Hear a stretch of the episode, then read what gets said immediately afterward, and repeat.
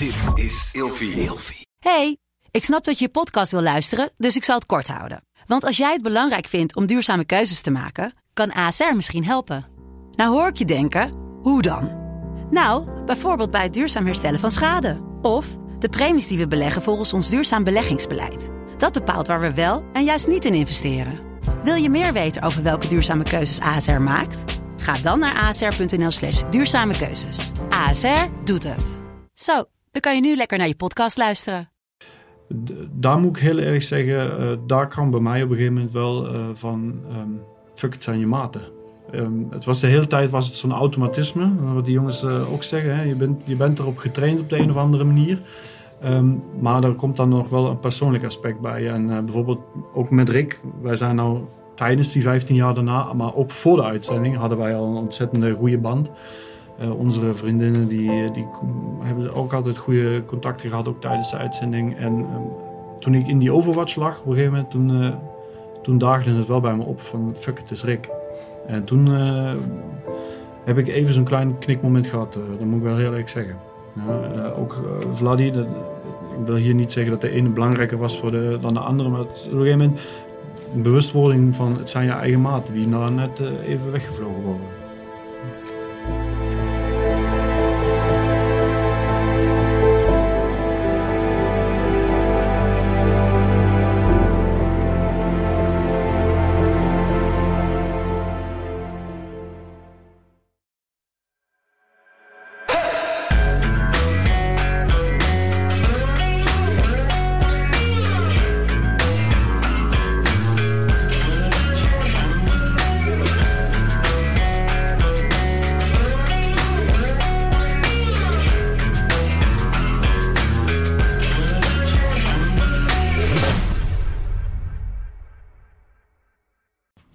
Welkom bij een nieuwe aflevering van Scherpschutters.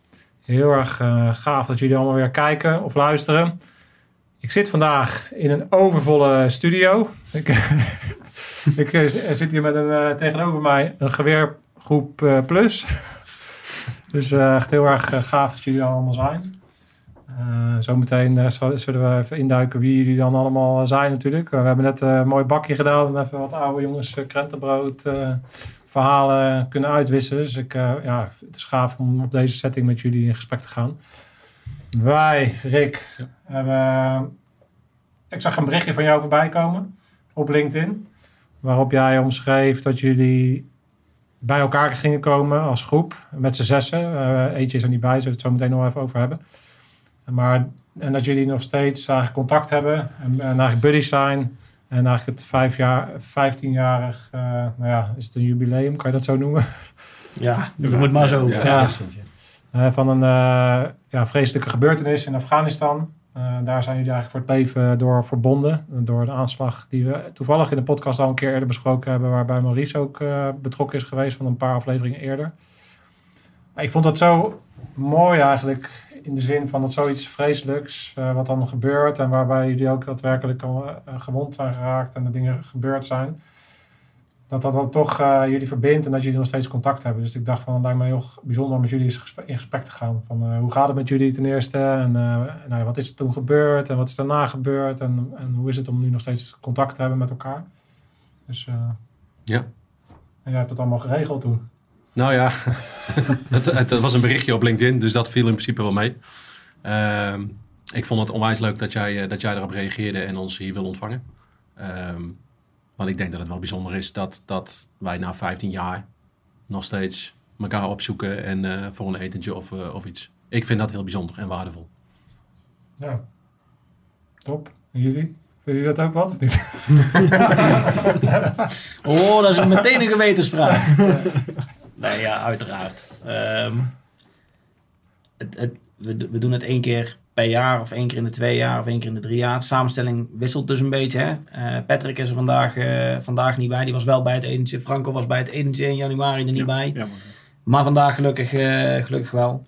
Ehm, het is altijd fijn om elkaar weer even, weer even te zien. Dus eh, ja, dat is gewoon goed. Zeker. Ja, mooi. absoluut. Ja, zullen we eens anders eh, kort eh, voorstellen. Dus eh, wie zijn jullie eigenlijk? Ehm, dus, dan, dan hebben we een beeld, want jij komt inderdaad, ja, die komen eigenlijk over het hele land vandaan. En jij komt zelfs uit Duitsland. Ja.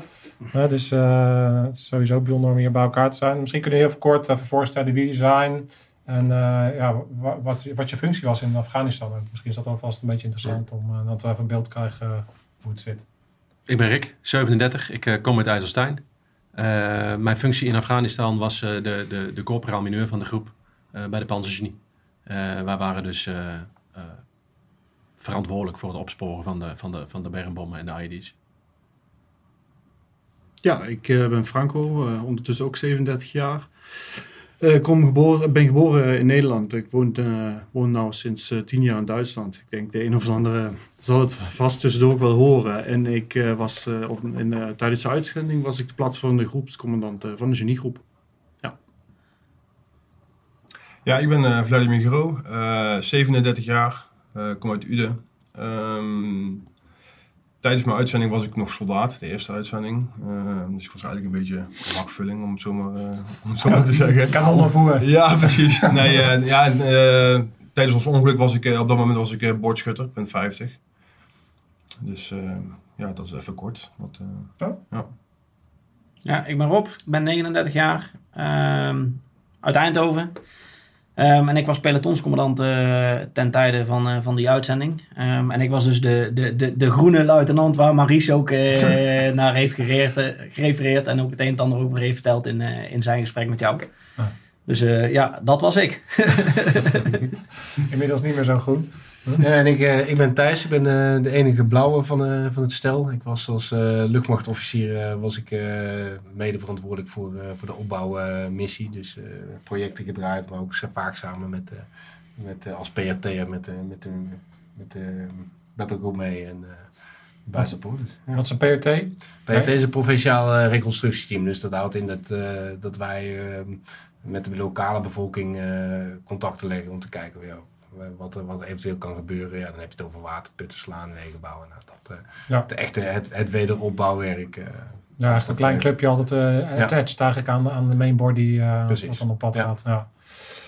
ja, mooi. En eh dus eigenlijk allemaal eh, wat verschillende, hoeda- niet allemaal, maar verschillende hoedanigheid. Je hebt je, dus de genie, de, de, de PC en dan heb je de, het PET, wat dan, eh, ja, dus in die zin gingen jullie als één grote club die bewuste dag eh, op pad. Want ik denk dat het interessant is om, normaal gesproken gaan we natuurlijk helemaal in van wie iedereen is, maar als we dat gaan doen, dan zijn we morgen nog niet klaar. dan, eh, dus het lijkt mij goed om eigenlijk even die dag te bespreken. Misschien een stukje aanloop van oké, wat, wat is er dan die dag gebeurd?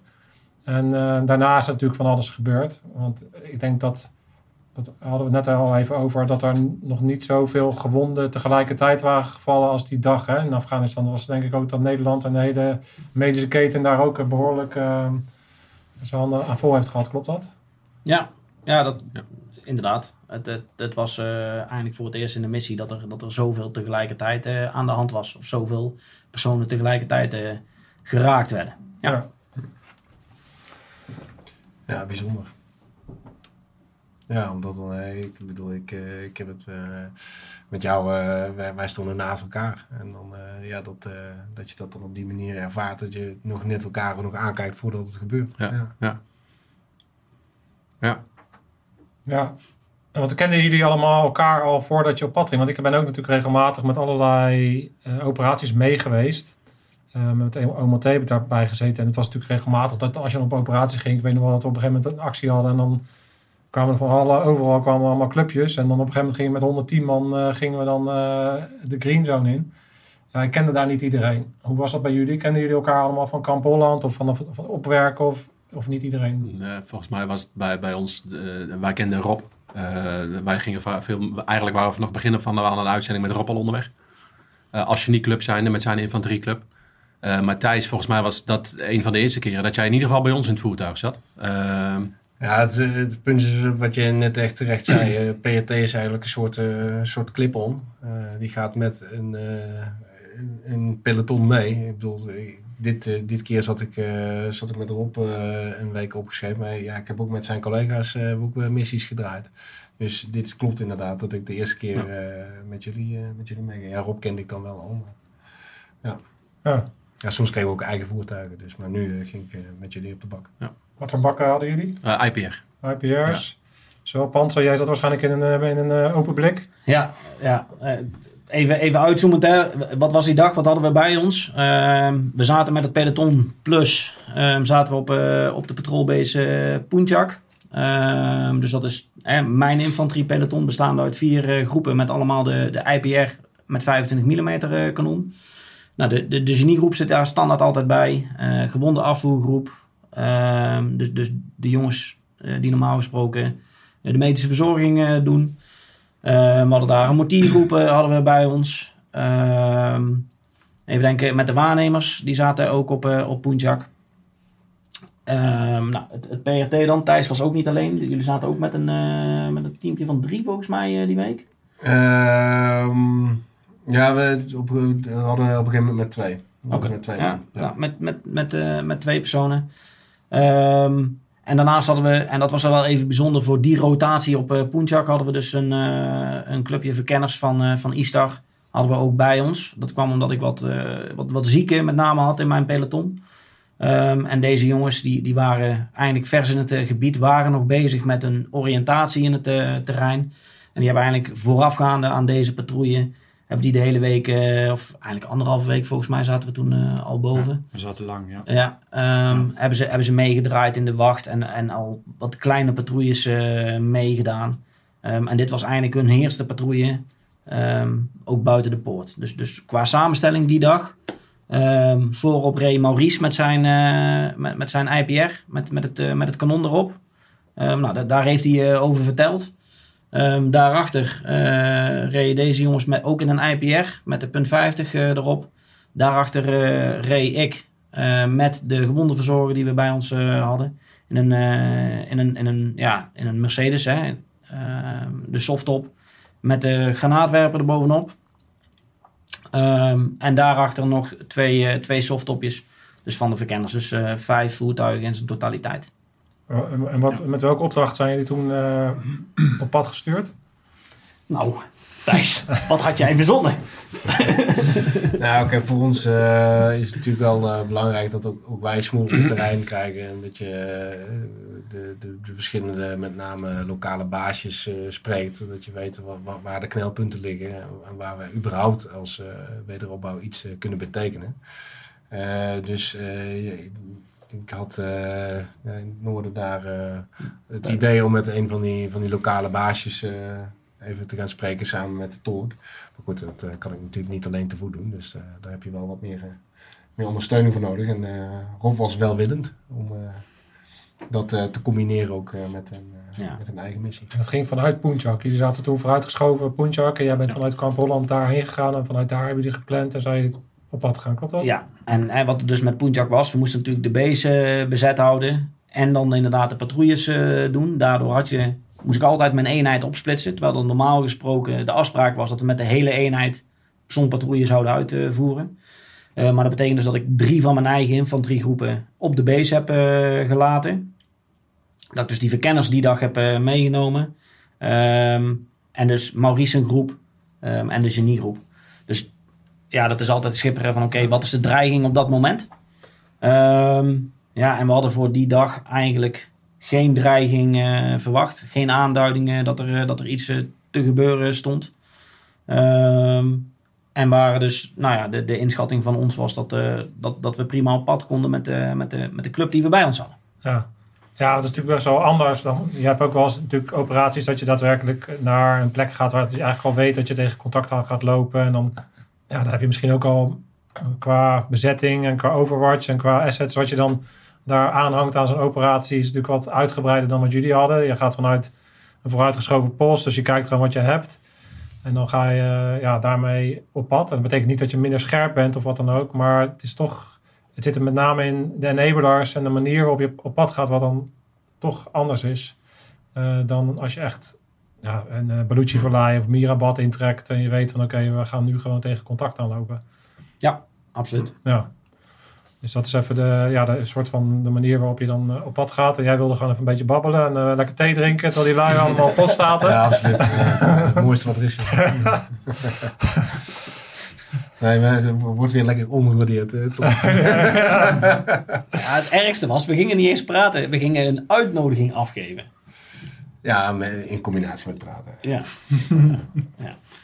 Daar kwamen we van terug. We kwamen terug van de uitnodiging en waren op weg naar het volgende postje waar je het gesprek zou hebben. Ja. Ja, dus jullie waren vroeg vertrokken, want het was winter. Het was niet, eh, het was in januari, klopt dat? Januari, ja. Ja, ja dus ehm, nou ja, op pad geweest. ehm, kan jij eens vertellen van, oké, jullie gingen, gingen s ochtends, eh, werd je wakker. En wat, eh, wat voor soort dag was het voor jou? En hoe, eh, hoe heb je dat begin van de dag beleefd? Ja, als ik, als ik me goed herinner, was het ook de tweede aanloop. Hè? We, we zouden eigenlijk al een, een dag ervoor zijn gegaan. Maar toen is een van de MB's volgens mij heeft zijn, zijn benzinetank eraf gereden. Dus toen moesten we heel snel weer omdraaien. En, onze voorbereidingen stonden eigenlijk heel goed. We hadden het ook wel, eh, vaker gedaan. Ook wij van de genie. We waren eigenlijk altijd met die jongens onderweg. En eh, we waren goed aan elkaar gewend en we kenden elkaars eh, werkwijze. Het was eigenlijk een, normale dag in het. De- zoals Rob ook al zegt, de dreiging was eigenlijk niet hoog ingeschat. En ja, we gingen er relatief gemakkelijk tegenaan. Hè. We gaan een verkenning doen, we gaan ons werk gewoon doen. En eh, als we terug zijn, zijn we terug. En eh, ja, dan gebeurt er zoiets. Dan ben je dan, je bent dan natuurlijk wel eh, een stuk voorbereid door je, door je opwerktraject. Maar op, op dat moment gewoon eh, komt, het even als een, als een verrassing. Dan. ja, absoluut. Ja, want neem ons nog even mee. Kan jij eens vertellen van, jullie waren op de eerste locatie geweest, onderweg naar de tweede locatie. Ehm, op wat voor manier gingen jullie vanaf, de, vanaf die locatie op pad? Waar, waar was jij? En, eh, Ehm, ik was eh boordschutter. Ik zat achter eh, punt 50. Ehm, wat we precies aan het doen waren, ja, dat, dat, is voor mij niet meer heel, heel helder, zeg maar. Maar eh, ik weet wel in ieder geval, ehm, toen het gebeurde, dan laten we meteen even vooruit gaan op de zaak. Wij zagen twee voertuigen in de verte zagen we aankomen. Die kregen een stopteken van het voorste voertuig, waar Maurice in zat. En, Ehm, neem ons eens mee naar wat, wat zie je om je heen? Staan jullie op de, in, de over, in de open grond? Zijn Nou, jullie in de green zone? Of- Nou, we zaten zeg maar wel, het was wel redelijk open. hè. We hadden aan onze rechterzijde hadden we in de verte hadden we een dorpje volgens mij, als ik het eh, goed, had, eh, goed nog eh, kan Best, dik, herinneren. best dichtbij. Ja, Ja. aan de rechterkant. Aan de linkerkant was het eigenlijk gewoon helemaal open. Mhm. Ehm, nou, toen waren er dus twee voertuigen die op ons afkwamen rijden. Ehm, die kregen een stopteken, waarvan eentje die bleef staan eigenlijk, als het ware. Wat ik me kan herinneren. En de andere die reed met een hele grote boog om ons heen. Dus er was eigenlijk geen dreiging. Nou, het eerste voertuig rijdt er langs af. Niks aan de hand. En op het moment dat wij er langs afreden, eh, toen... Wij reden er echt heel dicht langs. Ik denk een, een meter of twee eh, dat we er vanaf... eh, Twee, drie. ja. twee, drie dat we vanaf reden. En ik keek nog, eh, ik weet nog wel dat ik naar rechts keek en ik keek de bestuurder keek aan. En die maakte een stuurbeweging, heel raar, want hij stond stil, maar hij maakte een stuurbeweging.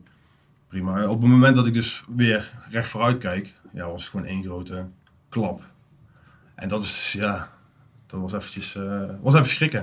Ik wist even niet wat ik, eh, wat ik meemaakte op dat moment. eh. en ja, die dreun was zo hard.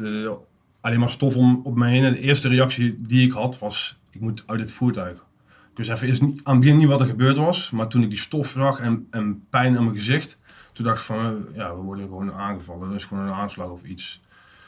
Eh, ik, ik had ook nog niet meteen in de gaten dat die auto dus ontploft was. Want ja, zover was ik dus nog niet. Ik was van het voertuig afgesprongen aan de linkerkant.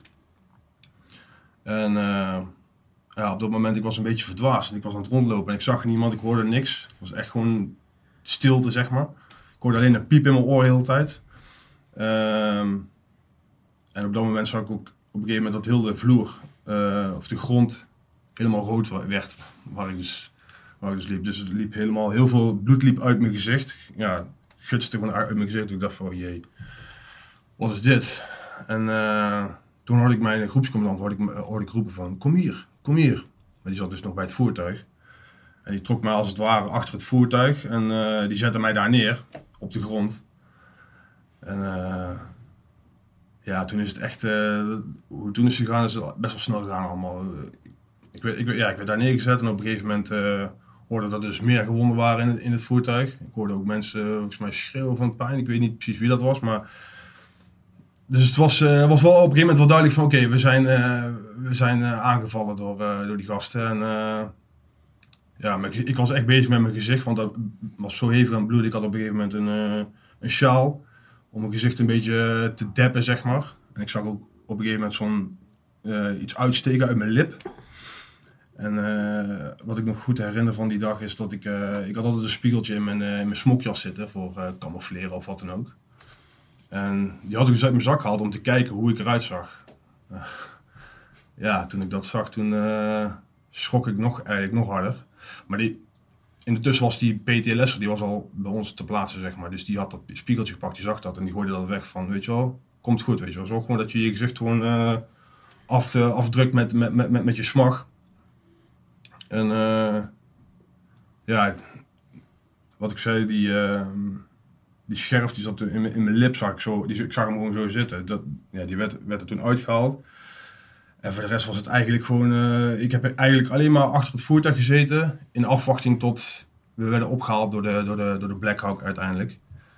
Ehm, hoe dat precies is verlopen, we hebben er laatst nog met z'n allen over gehad. Uh, ieder heeft zijn eigen verhaal erin. Ja, voor mij is het gewoon echt gewoon eh, heel snel gegaan allemaal. Ik weet niet eh, hoe, het- hoe lang het uiteindelijk heeft geduurd.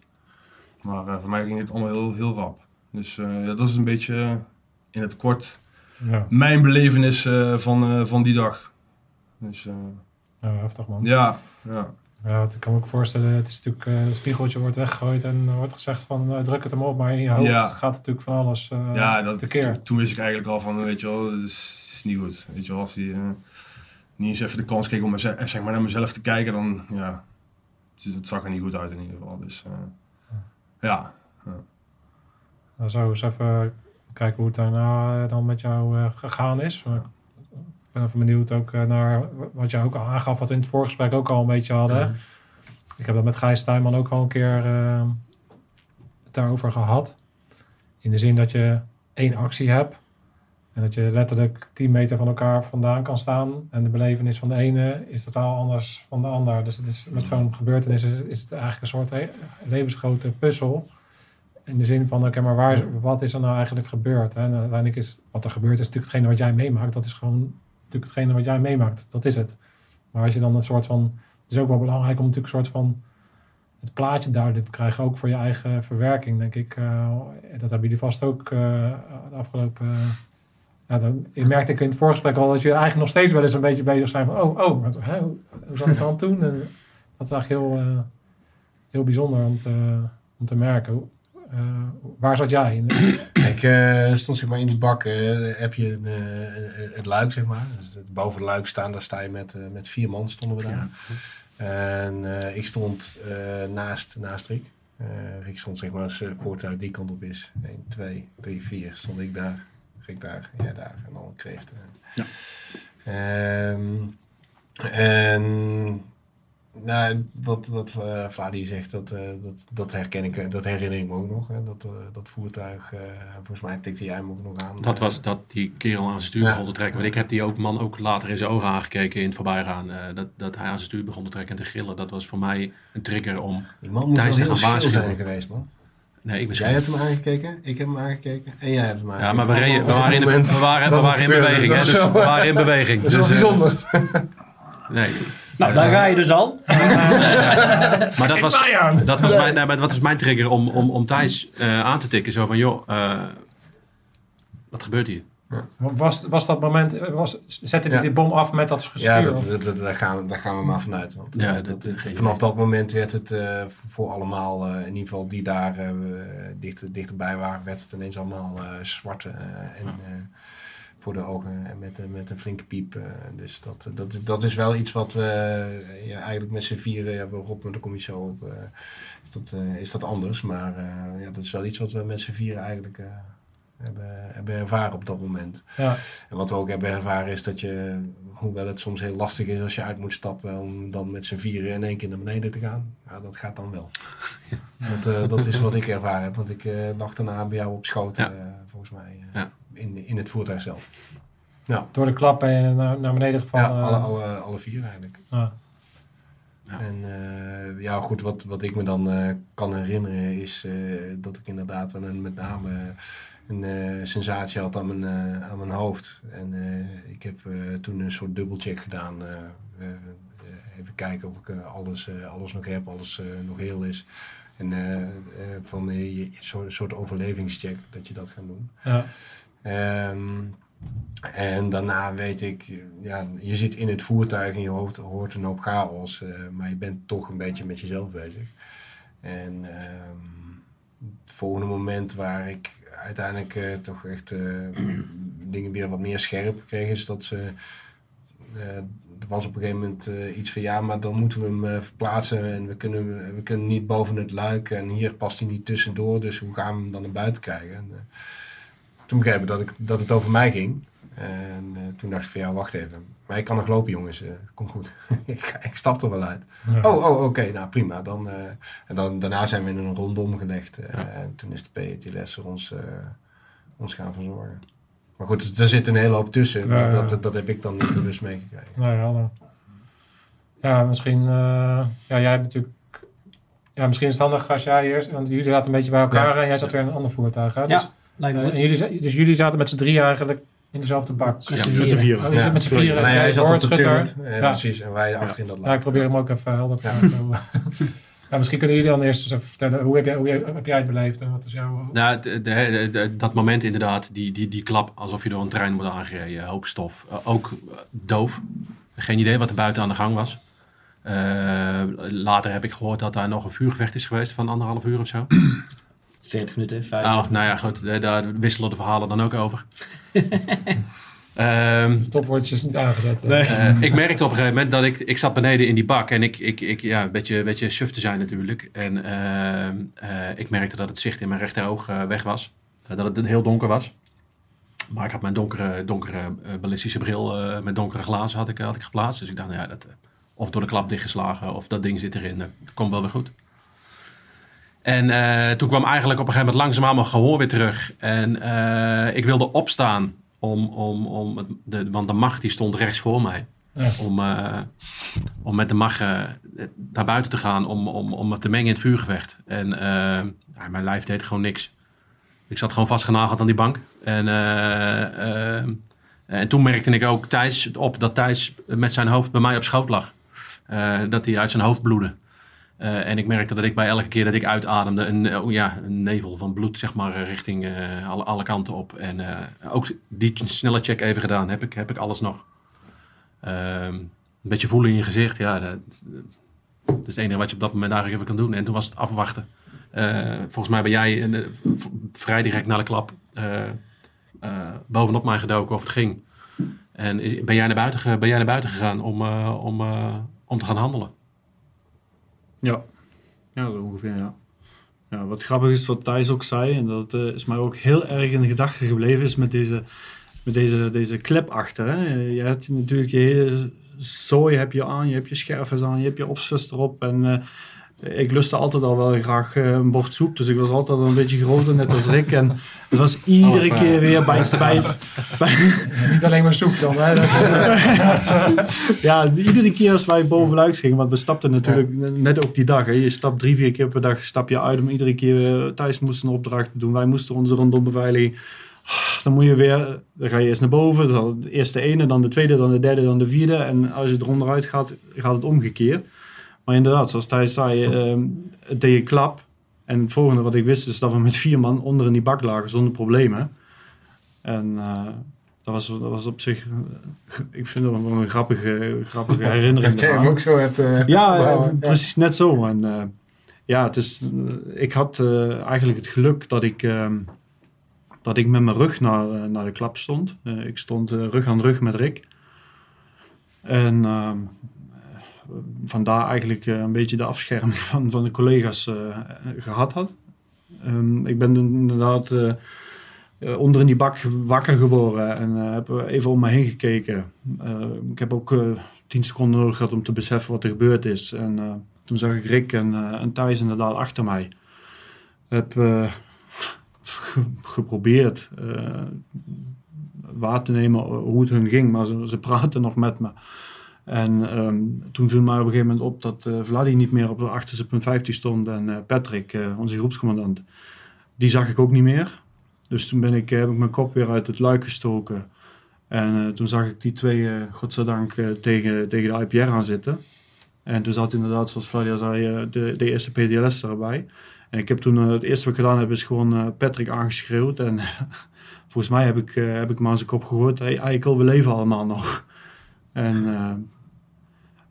toen op een gegeven moment, eh, toen keek ik om me heen. En toen zag ik eh, een paar, een paar uitgestegen man inderdaad vuur in richting, richting dorpsrand geven. En toen besefte ik opeens van, oh, het gaat nog door. We zijn nog niet klaar hier. Ja, en toen ben ik inderdaad weer eh, onder luiks gegaan. Heb nog geprobeerd met die, met die jongens te communiceren, maar was op dat moment niet, niet, zo, niet zo mogelijk. En toen heb ik op een gegeven moment gedacht van, nou goed, hier kun je niet blijven. Heb toen die deur van die IPR opengemaakt. En eh, ik had gezien dat Patrick gewond was. Eh, met hem kon ik niet veel afspraken meer maken. Dus mijn volgende gedanke was, nou dan, ga je, ren je maar naar eh, de auto achter je. Daar zit de luitenant in. En dan eh, maak je met hem maar afspraken hoe we dit gaan oplossen. En ben toen eh, inderdaad de eerste keer naar de MB van, eh, van Rob gerend. Om eh, verdere afspraken te maken. Die, dan, eh, eh, die vond dan wel een heel goed idee eh, lekker Choco tegen zijn MB aan te zitten. ja. Ja, ja, ja. ja. ja. Maar goed, eh, toen bij nader inzien eh, en ik, toen ik dichterbij kwam, zag ik ook de reden waarom. hij had gewoon een stuk eh, van die auto met zijn gezicht opgevangen. Dus eh, ja, dat was dan eh, ook even uit de, uit de running. Ja. En ja, wat is er daarna afgelopen? Ik, ik, wij hebben met elkaar gesproken. We hebben, we hebben een discussie gehad over Ja. het eh, wel of niet opblazen van jullie voertuig. Ja, want ik Eh, had, eh, ik had eerst het vermoeden, tenminste ik had het idee dat, maar, dat onze auto die was naar de gort. Volgens mij liep die op dat moment even niet meer. En genie, dat ding zat vol met essentieel materiaal. Het begint met, met radio's, maar we hadden natuurlijk ook dat hele searchmateriaal. We hadden het nodig aan, aan springmiddelen bij ons, munitie en eh, essentiële middelen. En eh, ja, daar wou ik eigenlijk afspraken ook dan over maken. Hoe gaan we daarmee eh, verder? Want het moet of opgehaald worden of het moet kapot gemaakt worden. Maar eh, ja. Maar was, jij, jij bent daar serieus nog mee bezig geweest, terwijl je zo'n zo'n stuk scher- scherf eh, in, je- Ja. in je hoofd had. eh Ja, ik. nou ja, mijn, mijn perspectief op het geheel is dus iets anders dan, eh, dan ja. van deze jongens. Ehm, en, en, en dat maakt het verhaal dus ook inderdaad ook wel heel erg grappig. Er is geen absolute waarheid. Ehm, ik reed dus als derde ehm, in, mijn, in mijn softtopje, als eerste softtopje. Ehm, ik reed om, eh, om technische redenen reed ik wat dichter bij hun auto als dat ik normaal gesproken had willen rijden. Ik zat er 25 meter, eh 25 meter achter.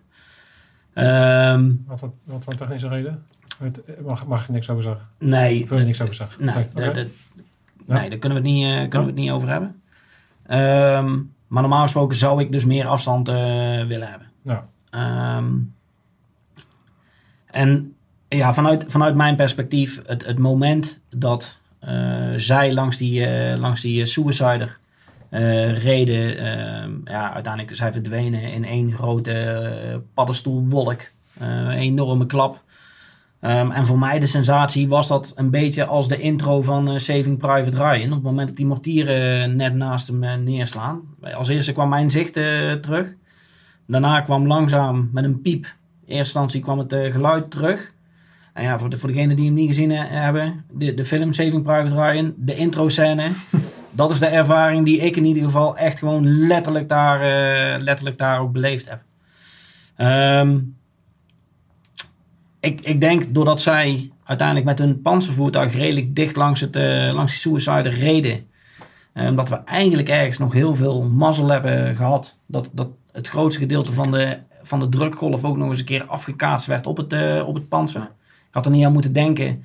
Ehm, dat klinkt misschien heel, heel selfish, maar dat het op mijn voertuig of op een van de MB's eh, achter ons eh, was eh, geweest. Nou ja, je hebt het gezien met het voertuig van, eh, Ja. van Jeroen en Mark, eh, wat dan wel een softtopje was. Ja. Ja. dat, dat, dan dan ben je, kan je inderdaad ook gewoon blij zijn in die zin dat Ja. het bij de IPR was en niet bij de softtop. Want dan, Ja. was het- Ja. dan hadden we hier niet in deze samenstelling gezeten.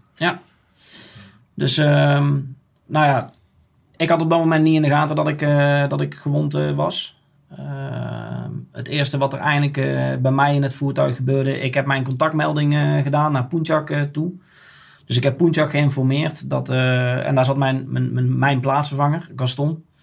Ehm, die, die heb ik geïnformeerd. Nou ja, IED. Het was eigenlijk voor iedereen wel duidelijk. Want de explosie die bij ons was, die was tot op Kamp Holland.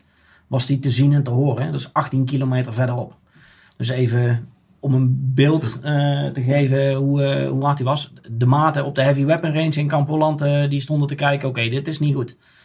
Ehm, en Punjak, wij waren daar volgens mij 7 kilometer ongeveer vandaan. Ehm, ja, nou, de, neuzen waren daar ook wel gericht. Goed terug naar mezelf. Contactmelding eh, gedaan. Wacht uit. Eh, eerst kijken wat er aan de, aan de hand was. Zij waren verdwenen in een grote vuurbal en vervolgens een, eh, een, eh, een stofwolk. Ehm, ik ben niet met mijn voertuig gaan, gaan bewegen op dat moment. Wij waren ook eigenlijk allemaal versuft. Ik zat in mijn voertuig met mijn chauffeur, mijn boordschutter dan en de gewondenverzorger. We waren eigenlijk allemaal versuft. Gelukkig Maurice met zijn groep. Maar ook Marcel met, met de jongens van, van Jistark. Die hebben, hebben hun, hun ding gedaan. Hè? De, de vier C's, ook waar Maurice naartoe eh, gerefereerd heeft.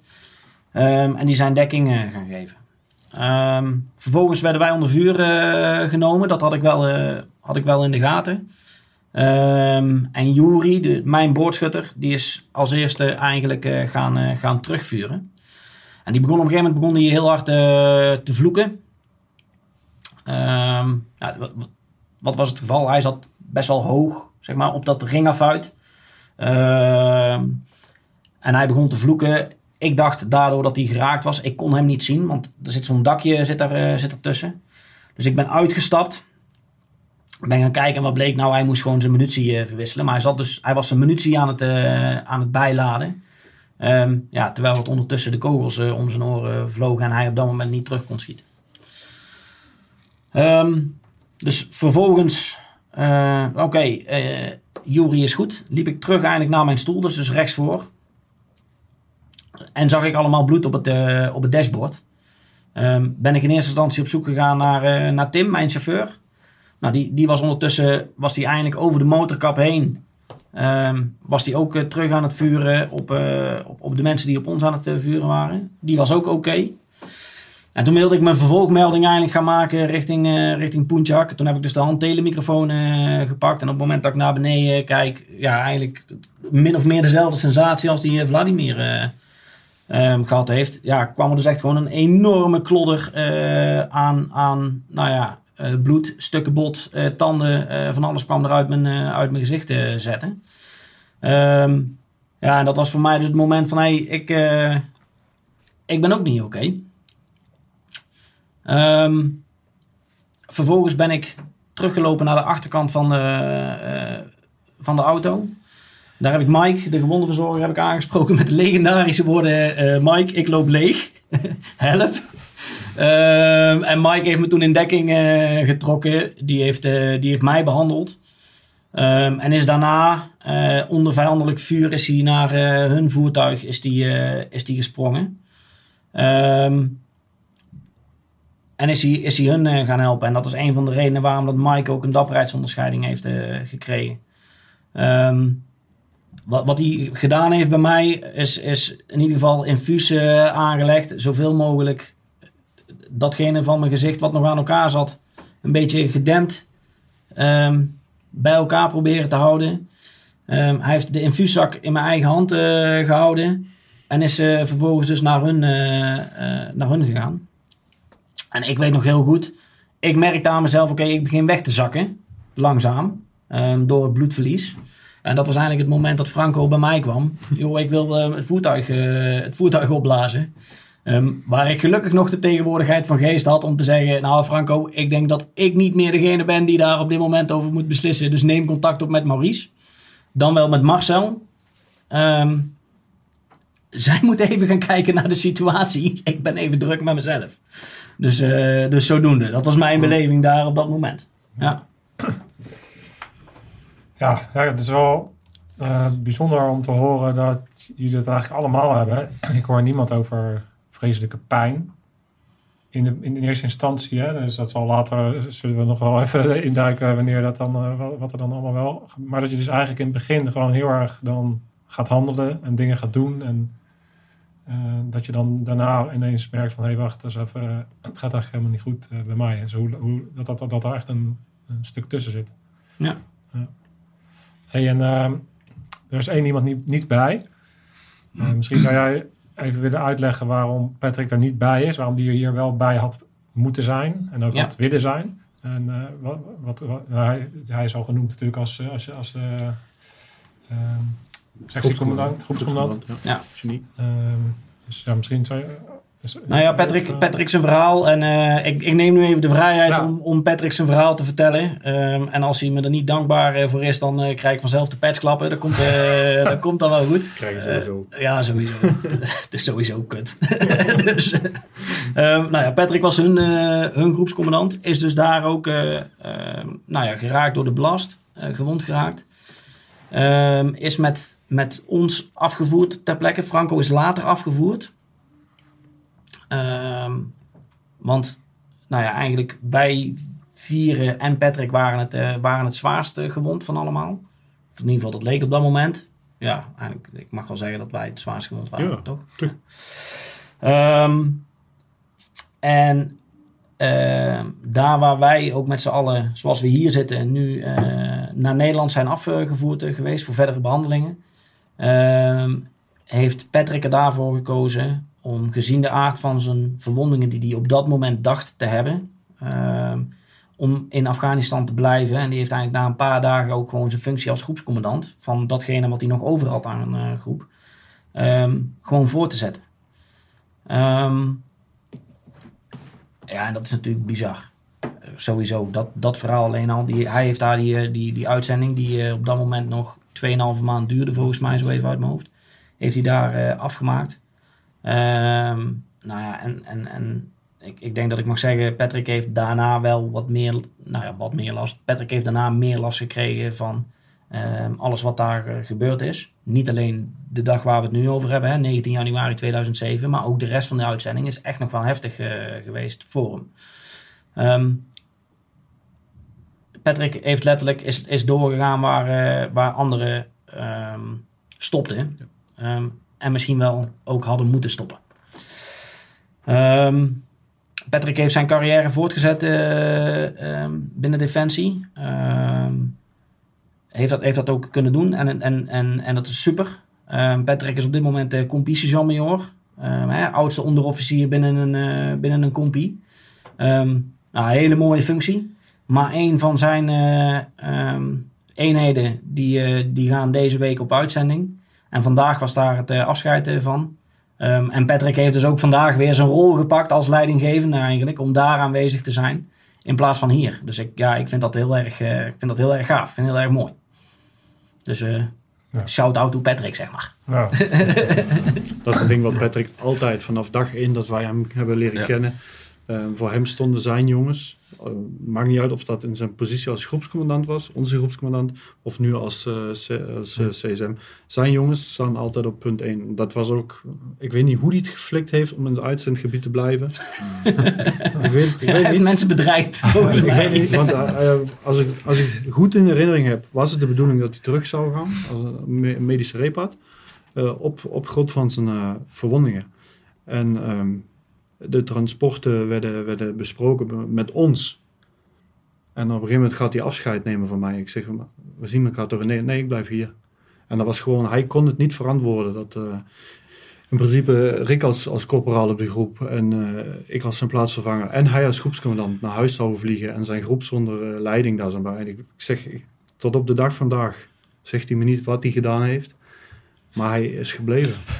En hij, hij, blijft, hij bleef bij zijn jongens en dat was voor hem altijd het belangrijkste. Ja. Absoluut. Ja, mooi. Nou ja, Patrick, ja, ik weet zeker dat je kijkt. Dus eh, ook vanuit mijn kant, eh, ik had je er graag bij ge- gewild. En ik vind het bijzonder om jouw verhaal eh, te horen via Rob. En alle respect en bewondering voor hetgene wat jij daar hebt gedaan en daarna hebt gedaan. En alle diensten die je nog steeds doet. En de manier waarop je voor je mannen bent. Dus eh, dank. Ja. Hey, en ehm, daarna ga je natuurlijk, eh, nou, weet je, dus jullie hebben die eh, gebeurtenis gehad. maar dan ga je natuurlijk... Kijk, dat, dat eerste moment ben je eh, in een soort overlevingsmodus. Hè? Dus eh, je, je hebt niet eens door dat je een scherf eh, hebt. Of dat, eh, ja, je hebt wel door van, nou ja, mijn zicht is niet meer goed. En jullie hebben allemaal je, je eigen moment daarmee gehad.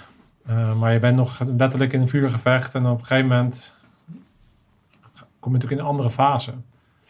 Hoe, ehm, hoe is dat moment? Op het moment dat je dus, ja, ik weet, weet wel, ik kan me nog herinneren dat bijvoorbeeld Rob Severs die dan vertelde dat hij in de heli zit en nog zo'n moment heeft voordat hij dan wegvalt. En eh, dan dus als je jongens aankijkt.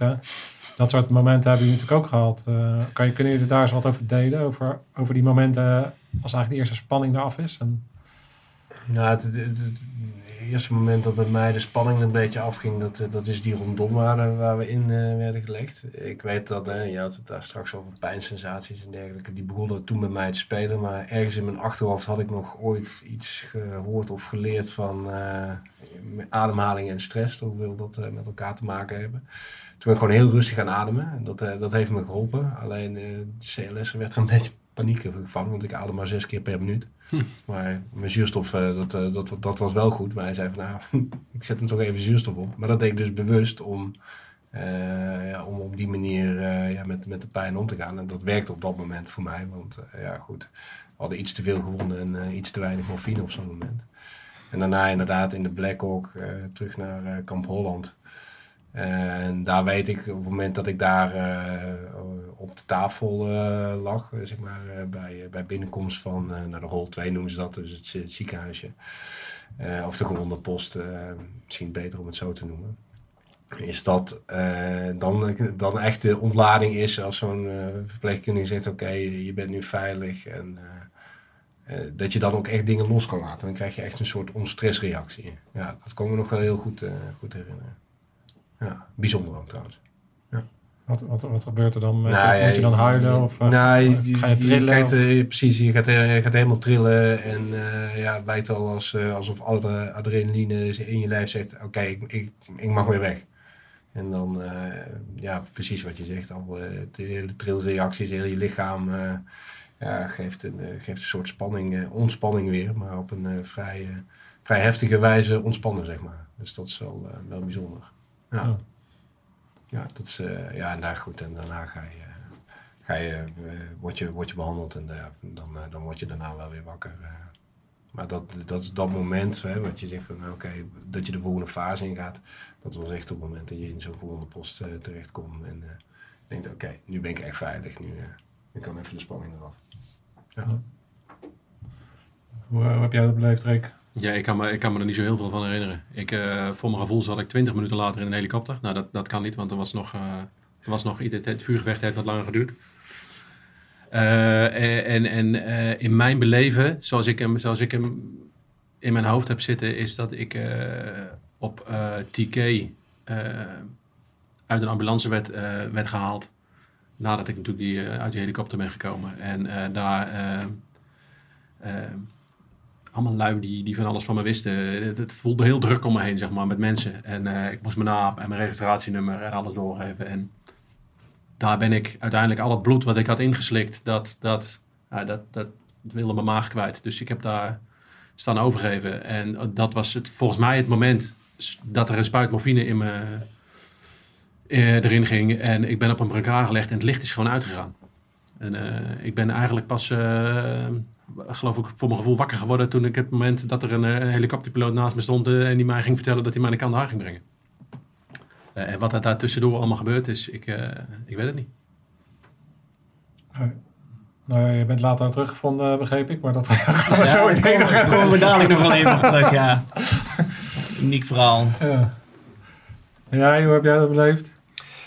Ehm, ik weet nog wel, voordat we opgehaald werden door de, eh, door de Black Hawk, toen eh, werden we naar de hele landing site werden gebracht, maar we werden opgepikt door, eh, door die bak van Maurice, dacht ik. Ja, Ja. jullie zijn opgepakt, opgepikt door eh, Dus die Maurice. kwam bij ons in, om zeg maar, de gewonden in te laden. En ik weet nog wel dat ik hem toen al zag liggen.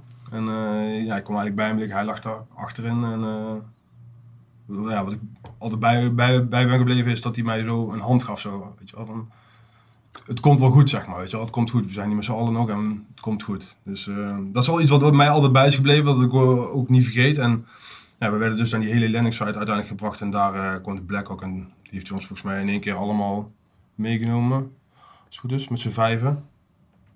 Ja, aangekomen op kamp Holland. eh, ging allemaal best wel snel allemaal. Ja, dus voor mij een beetje in een, in een roes is het gegaan. Eh, diezelfde avond nog geopereerd, omdat ik eh, natuurlijk heel veel scherfwerkingen, heel veel, scherven in mijn gezicht had zitten. Ehm, ja, de volgende dag wakker geworden. En eh, toen lag ik met, eh, met, met, met z'n vier lagen op één kamertje. Ja, het was een beetje, ja, ik weet niet een hele, hele aparte sfeer was het. Iedereen was een beetje met zichzelf bezig. Maar ehm, ja, ik weet nog wel dat ik toen contact mocht leggen met thuis. En dat was voor mij wel echt, eh, was voor mij wel echt heel fijn. Om eventjes eh, mijn moeder te horen doen. En mijn broertje. Dus eh, ja, het was, ook hun waren dan natuurlijk gerust. Want hun, ja, hun wisten er al vanaf dat, dat er iets gebeurd was. Alleen ja, hun konden dus geen contact met mij opnemen. We moesten nog een, daar ging nog een dag overheen zeg maar. Dus ja, die hebben natuurlijk slapeloze nacht gehad. Dus dat was ook wel goed om hun eventjes gerust te stellen op, op die manier. Ook voor mezelf, maar ook voor hen. Ehm, ja. En toen ging, ja, wat er toen verder gebeurd was, ja, wij gingen toen uiteindelijk gingen we naar Kandahar toe.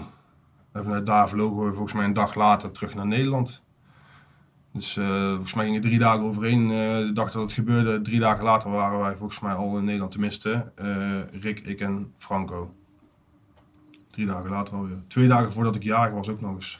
Was ik thuis, ja, want ik was, ik was de 24e was ik jarig en de 22e was ik in, in Nederland, volgens mij. 22e. Hey, dan krijgt lang eh, zal die leven toch een heel ander. Ja, dat was, ja, precies, ja, ja. Ja, ja, dat was heel raar. Want ik had natuurlijk, eh, ja, er waren natuurlijk best wel veel mensen die mij aan het opwachten waren thuis.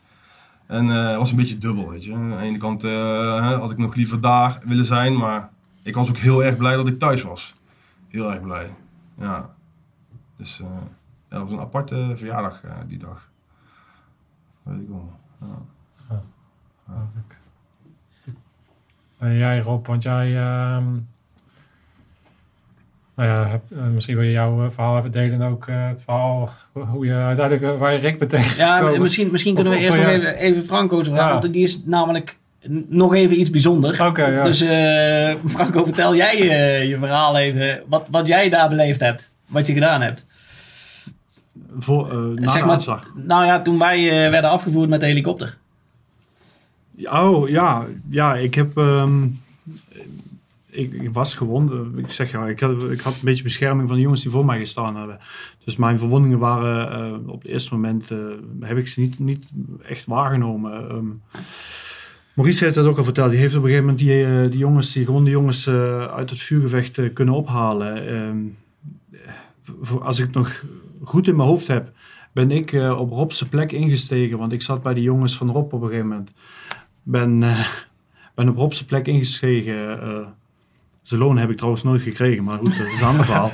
Ehm, Trek hem nog wel recht. Da- daarvoor mocht ik, mocht ik dan wel eh, zijn wapen gebruiken. Dat had hij, had hij laten staan. En we zijn toen ook in die, in die Overwatch erin. en ja, daar ging het hele, hele verhaal dan verder. Die, die jongens van Istar en, en Maurice, die hadden de hele voorbereidingen voor de, voor de hele en zo het allemaal, die liepen. Ehm, wij werden dan ook nog eh, met de MB en met de, met de jongens eh, in, de, in de Overwatch, in de 360 gelegd, eh, om die eh, hele landingssite dan te beveiligen in principe. En ehm, daar moet ik heel erg zeggen, daar kwam bij mij op een gegeven moment wel van, ehm, fuck het zijn je maten.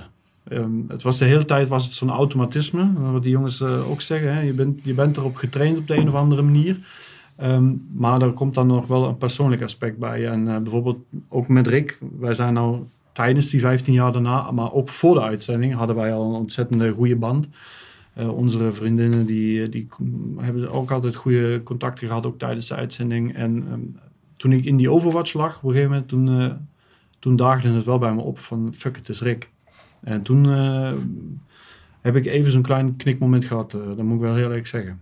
Eh, ook dat, ik wil hier niet zeggen dat de ene belangrijker was voor de, dan de andere, maar het, op een gegeven moment een bewustwording van het zijn je eigen maten die nou net eh, even weggevlogen worden. En toen, ja, op een gegeven moment, toen ging het verder. Ik lag, volgens mij lag ik op een positie in, in de rondom die niet per se de belangrijkste sector had. Want volgens mij had Maurice wel gemerkt dat die klap voor mij ook even zijn impact gehad had. Maar goed, op een gegeven moment moesten er wel beslissingen getroffen worden. Het ging ook om mijn voertuig, de, dat ondertussen dan wel eh, bewezen had dat het nog reed. Um, een van onze antennes was kapot, dus wij hadden nog maar de helft van, de, van de radioverkeer mogelijk. En toen is, uh, nadat die helikopter verdwenen is, is op een gegeven moment nog kort afgesproken geworden. Uh, onze leiding was weg, dus dat heeft uh, die, die um, wachtmeester van de ISTAR en Maurice, die hebben de leiding overgenomen in afspraak met mij. Hoe is het met je voertuig? Hoe kunnen we verder gaan? Um, want we hadden natuurlijk ook op de terugweg, we hadden altijd de dreiging dat we op routes zouden komen die gesearched moesten worden. Dus dat bleef dan op een gegeven moment dan zou dat aan mij blijven hangen. En ik heb toen uh, besloten dat dat nog wel mogelijk was. En uh, ja, kwam natuurlijk zoals het moest komen. Wij, uh, wij hadden natuurlijk bepaalde routes die wij vastgelegd hadden. De QF die is op een gegeven moment eruit gestuurd worden, als ik het goed herinner. Um, die zouden op een, op een bepaald punt zouden die wachten om ons dan te ondersteunen en terug naar, uh, naar Punjak te, te begeleiden. Um, maar uh, de dreiging in het gebied uh, over de ICOM-chat, uh, die werd natuurlijk de hele tijd goed in de gaten gehouden. En de dreiging liep volgens mij zo hoog op dat op een gegeven moment besloten werd dat wij toch van bepaalde routes afweken.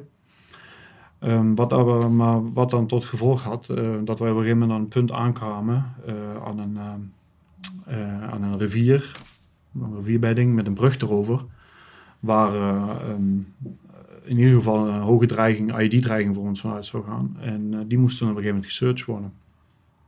En we zijn gestopt en ik, ik stond op Patrick's plek, had de verbindingskoptelefoon uh, aan, maar dat had ik even niet meegekregen. Dus op een gegeven moment stond een van de jongens van de infanterie naast mij, stond me aan te schreeuwen dat ik uit zou moeten stappen. En ben toen naar Maurice gegaan, heb toen op een gegeven moment met hem gepraat en moest dan die, die Wadi daar searchen. En bij het searchen, toen op een gegeven moment, toen viel mij op van er klopt hier iets niet. Het piepje dat was vanmorgen nog harder uh, van die, uh, van die swipe. En toen op een gegeven moment begin ik dus, begon ik dus ook wel te beseffen dat, dat er iets met mijn, met mijn oren en met mijn gehoor niet helemaal in orde was. Maar goed, ja, die, die Wadi die heb, ik toen, heb ik toen nog kunnen searchen. Ben maximaal beveiligd worden door Maurice. Want van, toen stond iedereen helemaal op 100% scherp natuurlijk. Het begon volgens mij ook nog langzaam donker te worden. De QF, die. Uh, ik weet het ook niet meer helemaal uh, precies. Maar op een gegeven moment gaf, bestond er een reden waarom wij ook volgens mij de begeleiding van de QRF tot naar Pontiac niet meer konden hebben. Dus toen moest het allemaal nog een beetje sneller gaan. En uh, ja, we hebben met de, met de middelen die we nog hadden en met onze best mogelijke opleiding hebben we dat een, ervoor gezorgd dat we terug naar Pontiac kwamen. Ja, en daar ja, daar zijn we eigenlijk ook aangekomen. Volgens mij uh, met schemering zijn wij uh, toen uh, Punjak opgereden. ja.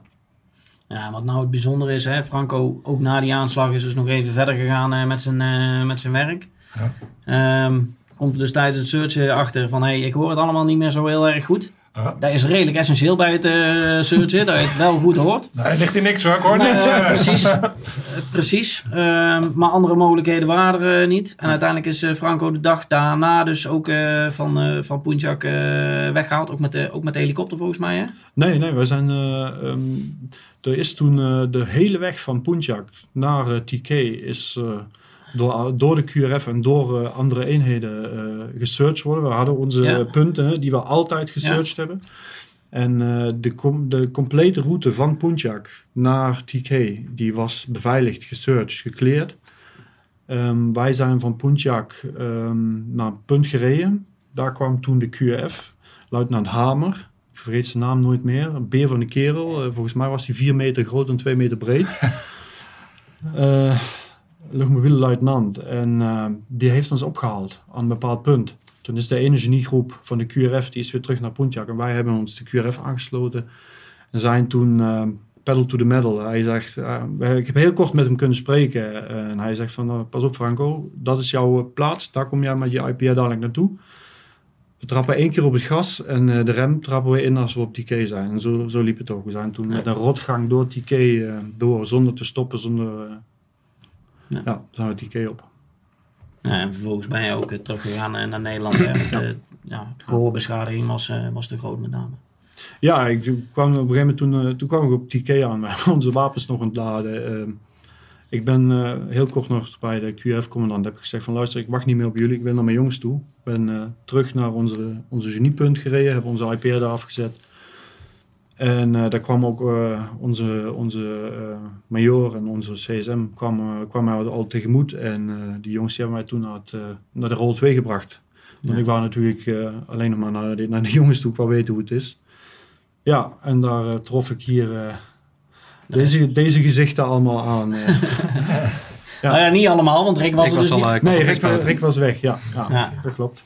Ja, dus Hoe lang ben jij nog bij de club gebleven dan? Want jij, jij bent dus nog helemaal doorgegaan tot uh, Punjak. Ben, jij bent ook met Heli... eh, Ik ben, eh, ben eigenlijk hè, met de rest eh, met de heli afgevoerd. Nou, in, in het kader van jouw vraag, joh, ehm, wanneer ging het licht uit, zeg maar?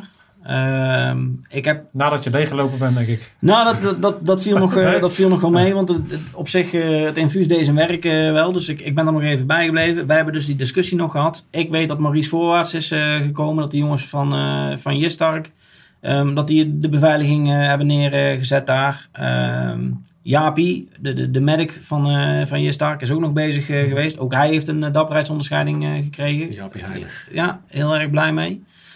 Ehm, en we zijn dus afgevoerd naar de, naar de landing site. Ook daar heb ik me toch nog met het een en het ander bemoeid. Over welke kleur rook er gegooid moest worden. Ik was nog scherp. Ehm, in de helikopter was ik ook nog scherp. En op het moment dat voor mij dat de helikopter op de grond eh, kwam, ging het licht uit, ben ik in slaap gedonderd. Ehm, en ik werd een paar uur later eh, werd ik wakker gemaakt door een Australische chirurg. Hè, want we zaten daar samen met Australiërs op eh, Kamp Holland. Ja. Australische chirurg die aan mij vroeg van... joh, heb jij protheses in je gezicht? Heb jij iets van metaal in je gezicht? Nee, niet dat ik weet. Nee, niet een, niet een beugel of niet, niet plaatwerk. Nee. Ik zeg, wat is er aan de hand dan? Nu wel. Ja, nu wel. Eh, maar het is zo groot en er zat eigenlijk maar een relatief kleine snee eigenlijk in mijn, eh, in mijn gezicht. Ja. Waar dat, waar dat- ja, nou ja, zo groot. Zo'n brok metaal is er echt eh, doorheen gegaan. Dus jij, jij hebt hem even moeten searchen. Met, Ja, eigenlijk wel. Ja, had ik niet gehoord. Maar goed, ze, ze, ze, ze snapten dus niet eh, hoe zo'n groot brok metaal me- en de schade die ik had, hoe dat, hoe, hoe dat door die relatief aan de buitenkant kleine snee eh, kon zijn eh, gegaan. Ehm, nou, dat brok metaal zat vast eh, in elkaar gevricht, tegen mijn halsslagader aan, sinusboog, sinusholte, alles vernietigd. Jukbenen vernietigd, kaken, deels weggeslagen, gebroken op meerdere plekken, de tanden lagen eruit. Ehm, en toch kon ik nog redelijk babbelen.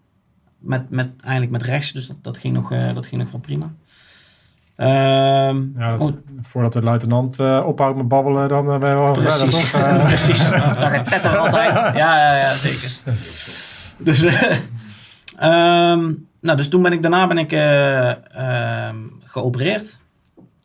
Ehm, daar hebben ze eigenlijk niet zo heel veel kunnen doen. Want toen bleek dus inderdaad dat het risico te groot was als ze die scherven zouden verwijderen. Ehm, dat of de halsslagader geraakt zou worden of de rest van de zenuwen ook eh, doorgesneden zouden worden.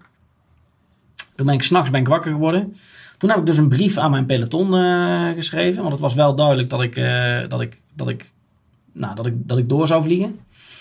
Ehm, dat ik terug naar Nederland zou gaan. Dus, dus hè, ook dat in, in een van de vorige afleveringen met Maurice. Daar heb ik een brief geschreven aan mijn peloton. Ehm, om ze heel veel succes te wensen. Ehm,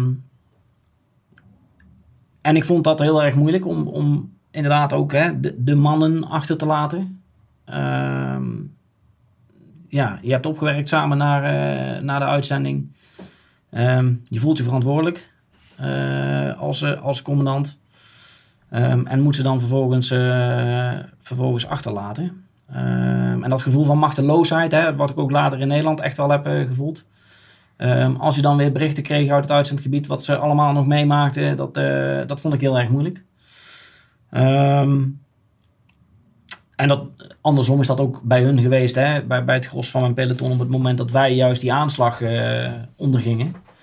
Ehm, de, de, de maten die er die dag bij waren, hè, want we zitten hier nu met z'n vijven, maar de maten die er eh, die dag bij waren, de, de, de jongens van Maurice, de jongens van Jistark, maar ook de rest van het peloton en de rest van hun groep die nog op Poenchak eh, zaten, die toe moesten kijken hoe wij uiteindelijk eh, ehm, afgevoerd werden, die eigenlijk niks konden doen. Ehm, ja, dat gevoel van machteloosheid is natuurlijk ontzettend vervelend. Dus ehm, ja, dus- Ja, dat is zeker waar. het is wel, eh, dat is ook wel een belangrijk punt. Toevallig eh, van de week nog een gesprek gehad met ook iemand die gewond is geraakt en eh, die nu in dat proces zit. eh, iets, ja, jullie, voor jullie is het al 15 jaar geleden, maar voor hem is het wat minder lang geleden. En ik ken ook andere mensen die erbij zijn geweest. En ik herken dat. Ik heb natuurlijk zoveel gesprekken inmiddels met allerlei lui hè, over, met, doordat ik die podcast doe. Ja. En het is wel interessant om inderdaad even de andere gasten te benoemen ook. In de zin van terecht gaat alle aandacht naar jullie. Jullie raken gewond. Jullie, eh, jullie hebben schade. Weet je, het is terecht dat, natuurlijk dat, dat, daar, dat, dat daar heel veel aandacht en, eh, voor jullie moet zijn. Maar de tendens die je dan vaak ziet, en dat is ook, dat zouden wij allemaal dezelfde reactie hebben, is ja, fucking hell, die gasten die liggen in de kreukel, scherp in zijn bek. En eh, weet je, wat zit ik nou te zeuren dat ik daar last van heb?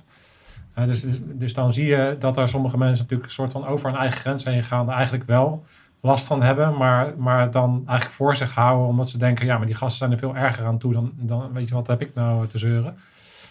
Ehm, dus het is wel belangrijk om te benoemen dat ten eerste dat nooit zo kan zijn. Als je binnen een eenheid werkt, moet er ruimte zijn voor iedereen. En natuurlijk is er een tijd voor. Weet je, je hebt natuurlijk een bepaald moment dat alle aandacht daar moet zijn waar het levensbedreigend is. Maar het is heel belangrijk om dan helder te hebben van oké, wat gebeurt er daarna en hoe zorgen we dan dat iedereen hier zo goed mogelijk doorheen komt op zijn of haar manier. Ja. En, ehm, dus eh, dat is wel belangrijk om dat soort van te benoemen. Van, weet je, iedereen is erbij geweest en iedereen heeft er Ja. onderdeel van en iedereen heeft dat op zijn eigen manier beleefd. En eh, mag daar ook gewoon alles bij voelen wat je daar op dat moment bij voelt. Want hoe verder je dat wegstopt, hoe harder het later terugkomt. Ja. Ja, en ik vind het ook ontzettend knap, weet je wel. Mijn plaatsvervanger, eh, die toch maar even het peloton heeft overgenomen. Samen met die groepscommandant, hè, Maurice, eh, Bram, Pari, Mark. Ja, Ehm, toch maar even doorgegaan. Ehm en, en, en datzelfde geldt, nou ja, we hebben Patrick net al even, even genoemd. Eh, maar maar ook, ook, ook de rest van, van, van hun groep die eh, door is gegaan. En ik weet eigenlijk niet hoe de dynamiek in het PRT is geweest. Ja, de, de, we hadden zeg maar eh, de- degene die zich met het, het CIMIC, dat is Civiel-Militaire Corporation, dus dat zijn echt eh, de, de missieteamleden die, eh, die praten. Maar we hadden natuurlijk ook, eh, volgens mij, een sergeant en eh, ook nog een corporaal ter ondersteuning. eh, en volgens mij heeft eh, de sergeant heeft mij een taak overgenomen. En eh, toen ging de missie gaat door. Ja. Ja. ja, dat is bizar. Doorgaan. Ja. Ja, maar goed. ehm, Ja, want wat ik wat wel. eh, kijk, eh, het was het meeste aantal gewonden wat er gevallen is. Eh, voor het eerst in Nederland wordt, wordt. Afghanistan is natuurlijk sowieso natuurlijk een oorlog geweest. Waarin eh, natuurlijk eh, Nederland op allerlei. Ja, je was daar met de PET bezig. Mm. Maar wat de fuck, hè, we waren daar gewoon maximaal aan het klokken. Weet je, dat is natuurlijk gewoon Mm. een kontverhaal dat we daar opbouw aan konden doen. Terwijl we daar gewoon eh, in de oorlog zaten, laten we eerlijk wezen. Ik moet dat nuanceren. Maar, Marinier heeft een ander eh, perspectief, dat, eh, dat snap ik. Ja, nou ja, ja, zeg, zeg vooral als ik ongelijk heb. Eh, had jij het idee dat je daar... Nou, dan laten we die discussie... een andere podcast, Nee, eh, Doe wel op een bak koffie. ja, nee, maar wat... ehm, de medische keten, ja, jullie vertelden net ook allemaal dingen waar je dan in terecht komt. Hè? Het is niet allemaal soepel gegaan. Eh, kun, kun- wil iemand daar iets over, over delen van, het, van wat er dan allemaal met je gebeurt? En, Ja, je, je, je, vroeg, je stelde hem net al, hè, voordat ik Franco even het woord eh, gaf over hoe Rick en ik elkaar teruggevonden, of hoe, hoe we Rick teruggevonden hebben. Ja, ja. Ik, eh, zou, eh, ik ben, zaterdag, of vrijdagavond naar Kandahar gevlogen. Ik zou zaterdag naar een Amerikaanse oogarts gaan eh, in eh, Bagram. Ehm, dat liep ook allemaal in, in eerste instantie zoals het moest lopen. Ik zat met een verpleegster achterin, eh, achterin eh, de late, laadruimte van een, van een Hercules. eh, op de startbaan. Eh, tot de motoren uitgingen en de klep weer naar beneden. Ehm, ik ben weer een kamer opgereden. En eh, ja, ik kreeg daar te horen van, eh, ja, je gaat niet naar Bagram. Want eh, eh, sorry, maar je bent blind aan één oog. eh, en daarmee, ze, kunnen, ze kunnen niks meer voor je doen. Dus beter voor jou rust om hier te blijven. Dus ik denk, nou ja, oké, eh, super kut. Dus eh, ik werd weer op een kamer gelegd. Eh, ja, en nu? Ja, niemand die me eigenlijk wat kon vertellen. Eh, dus ik ben, maar, ik ben maar gaan liggen. Maar schijnbaar waren ze er op Kamp Holland nog steeds heilig van overtuigd dat ik op dat moment in de Bagram was. En ik lag natuurlijk gewoon op Kandahar op een kamertje. Dus, dus, dus ik, wist, ik was in een militaire mist. Niemand, niemand wist nou precies waar ik was. En totdat eh, deze mannen op zondag eh Kandahar binnenkomen wandelen. En volgens mij, jij kreeg te horen van, de, van een van de verpleegsters van, nou, weer Nederlanders. Er is er van de week ook al eentje, eentje binnengebracht. Eh, Dat jij gevraagd hebt of jij, eh, dat hoorde ik dan net in ons voorgesprek. Eh, Dat bedoel je van weer een stukje van de puzzel. Wat je Ja, ja, ja, ja, zo kwam je steeds- en zo, steeds blijven meer er, achter. zo blijven er ook Ja. 15 jaar na dato blijven er af en toe puzzelstukjes op zijn plek vallen. De grap, de grap is wel, ik denk dat eh, dit, dit voor het eerst is dat we eh, zo uitgebreid onze eigen ervaring delen van wat hebben we meegemaakt. Ja. Van hoe heb jij het gezien, hoe heb jij het gezien, hoe heb jij het gezien. Meestal als we bij elkaar komen dan eh, heb je het even kort en luchtig over. En dan precies ga je kort en luchtig en daarna ga je over op oude jongens krentenbrood, een beetje oude hoeren en eh, vooral het ook eh, wel elkaar goed in, de- in de ogen kijken. Maar je hebt ook niet heel veel woorden nodig. Ik ga een beetje afzeiken. Precies. Ja. Dat is vaak jouw taak inderdaad. Jij begint altijd. Eh, over de Stedtler? Nee, hier, heb je ze. Maar goed, eh, eh, op deze manier daarover praten, dat doen we eigenlijk nooit. Dus ik vind het zelf ook wel heel mooi eigenlijk, om dit, dit nu eens een keer te zien van, oké, hoe heb jij nou eigenlijk beleefd? Ja, daar, daar hebben we- nemen we nooit de tijd voor. Dat is meestal gaat het over, eh, hoe gaat het nu met je? En welke problemen loop je nu tegenaan? En eh, daar, daar, daar nemen we wel de tijd voor. Of, eh, ja, waar ben je nu mee bezig? Wat zijn je volgende stappen? Hoe gaat het met je kinderen? Voor sommigen, voor mij nog niet. Maar, eh, dus dat zijn dingen die we dan bespreken. Maar dit, nou, dat vind ik wel uniek. En dat vind ik dan ook eigenlijk wel heel mooi. Dat we daar nu, eh, dankzij jullie twee eigenlijk, ehm, dus een keer ook echt goed bij stilstaan. Dat hebben wij eigenlijk nooit gedaan. Ja, klopt. Ja, ik denk, ja, nou, fijn om te horen. Ja. Ik denk dat dat ook gewoon eh, eigenlijk heel, ik vind het ook heel mooi om dat met jullie te delen. Ja. En om jullie verhalen te horen en ehm, ja, jullie van elkaar op deze manier ook eh, dat allemaal weer even ja, bespreken en de revue laten passeren. En het is inderdaad met een, met een lach en een traan, dat is het toch. Ja. Ja. het, is- het is fucking heftig, maar tegelijkertijd ja, dat is ook hoe, eh, hoe we natuurlijk altijd zijn als militair. Je wacht, eh, ja, je moet er ook om blijven lachen en... Ja, absoluut. Eh, Als je niet meer kan lachen, dan, eh, dan is het pas echt een probleem meestal. Zo'n beetje elkaar, zolang je elkaar nog in de taai kan trappen. Ja. En, eh, Dat is goed. Ja. Nou, ja, en dat- we weten het, het is op YouTube, dus eh, sommige dingen kunnen gewoon niet gezegd worden. Maar eh, dat, dat, dat, gaat, dat gaat heel makkelijk. Dat eh, lachen, zwarte humor, ja, dat is super mooi. Nou ja, dat, en, en dat, is, dat is ook wel grappig dat je dat zegt. Want dat is inderdaad ook gewoon een kopingsmechanisme wat je uiteindelijk ontwikkelt. Hè? ja. Ehm, die, die zwarte humor. En, en, en, en nou ja, eh, ik heb dat in ieder geval gezien bij de, bij de maten die ook in, eh, in Doorn in het eh, revalidatiecentrum hebben gelegen. We hebben het altijd wel naar elkaar eh, gehad. Inderdaad, elkaar altijd een beetje, beetje, beetje prikkelen, een beetje afzeiken. Dat was trouwens eigenlijk ook wel voordat dit gebeurde. Maar goed. maar ik kan me dus, ik kan me dus herinneren, ehm, in het kader van zwarte humor. ehm, wij zijn op, op zondagavond, eigenlijk eind van de middag, begin van de avond, zijn wij dus inderdaad ook naar Kandahar eh, gevlogen. Vanuit Tarinkot. Wij zouden eigenlijk direct doorvliegen naar Nederland. Nou, eh, op Kandahar is besloten dat ik toch daar geopereerd zou worden. Dat daar de scherf uit mijn hoofd eh, verwijderd zou worden. Omdat het anders weer 48 uur langer zou duren. Thijs die mocht eh, ook nog even niet naar Nederland eh, vliegen. Die, die, daar moest nog even wat, eh, wat testen. En er moest wat meer rust, wat meer stabiliteit komen voordat hij die, eh, die reis kon maken. Ehm, dus wij werden op zaal gelegd in de rol 3 in, eh in Kandahar. Toen kwam dus inderdaad de opmerking van die, van die verpleegster. Een Nederlandse verpleegster. Van oké, hey, ehm, goh, alweer Nederlanders. Dus alweer Nederlanders. Ik, ik heb niks meegekregen. En de maten, ook toen ik in de rol 2 lag, hebben mij best wel op de hoogte gehouden van wat er allemaal gebeurde. Dus ze hadden mij verteld dat Rick naar Bagram eh, was. Dat was de laatste stand van zaken, een paar uur voordat ik naar Kandahar vloog. Ehm, dus ik heb toen gevraagd van, joh, maar mag ik daar heel even, mag ik even kijken eh, wie dat is dan? Dus ik loop vervolgens een andere zaal op. En daar ligt Rick dus eh, ligt daar. En nou ja, volgens mij, ik heb gevraagd, goh, wat doe jij nou hier? En het legendarische antwoord van eh, Rick was, ja, een beetje voor me uitstaren. Minder. Zo ja, maar heb je al contact gehad met, eh, met je thuisfront? Nee, ik heb nog geen contact met, gehad met je thuisfront. Zeg, ja, maar iedereen denkt dat jij een bagram bent, man. Hoe, hoe kan dat nou? Dus ik ben op zoek gegaan naar de, de, de hoogste Nederlandse militair die ik daar eh, kon vinden. Ehm, dit was dus net voordat ik weer geopereerd eh, zou gaan worden. Ehm, heb daar een, eh, een kolonel eh, aangetroffen. Dat was een, een internist. Ja, die heeft de, dat is een specialist. Dat is geen leidinggevende, geen leidinggevend officier, maar dat is gewoon omdat hij internist is. Heeft hij de rang van kolonel.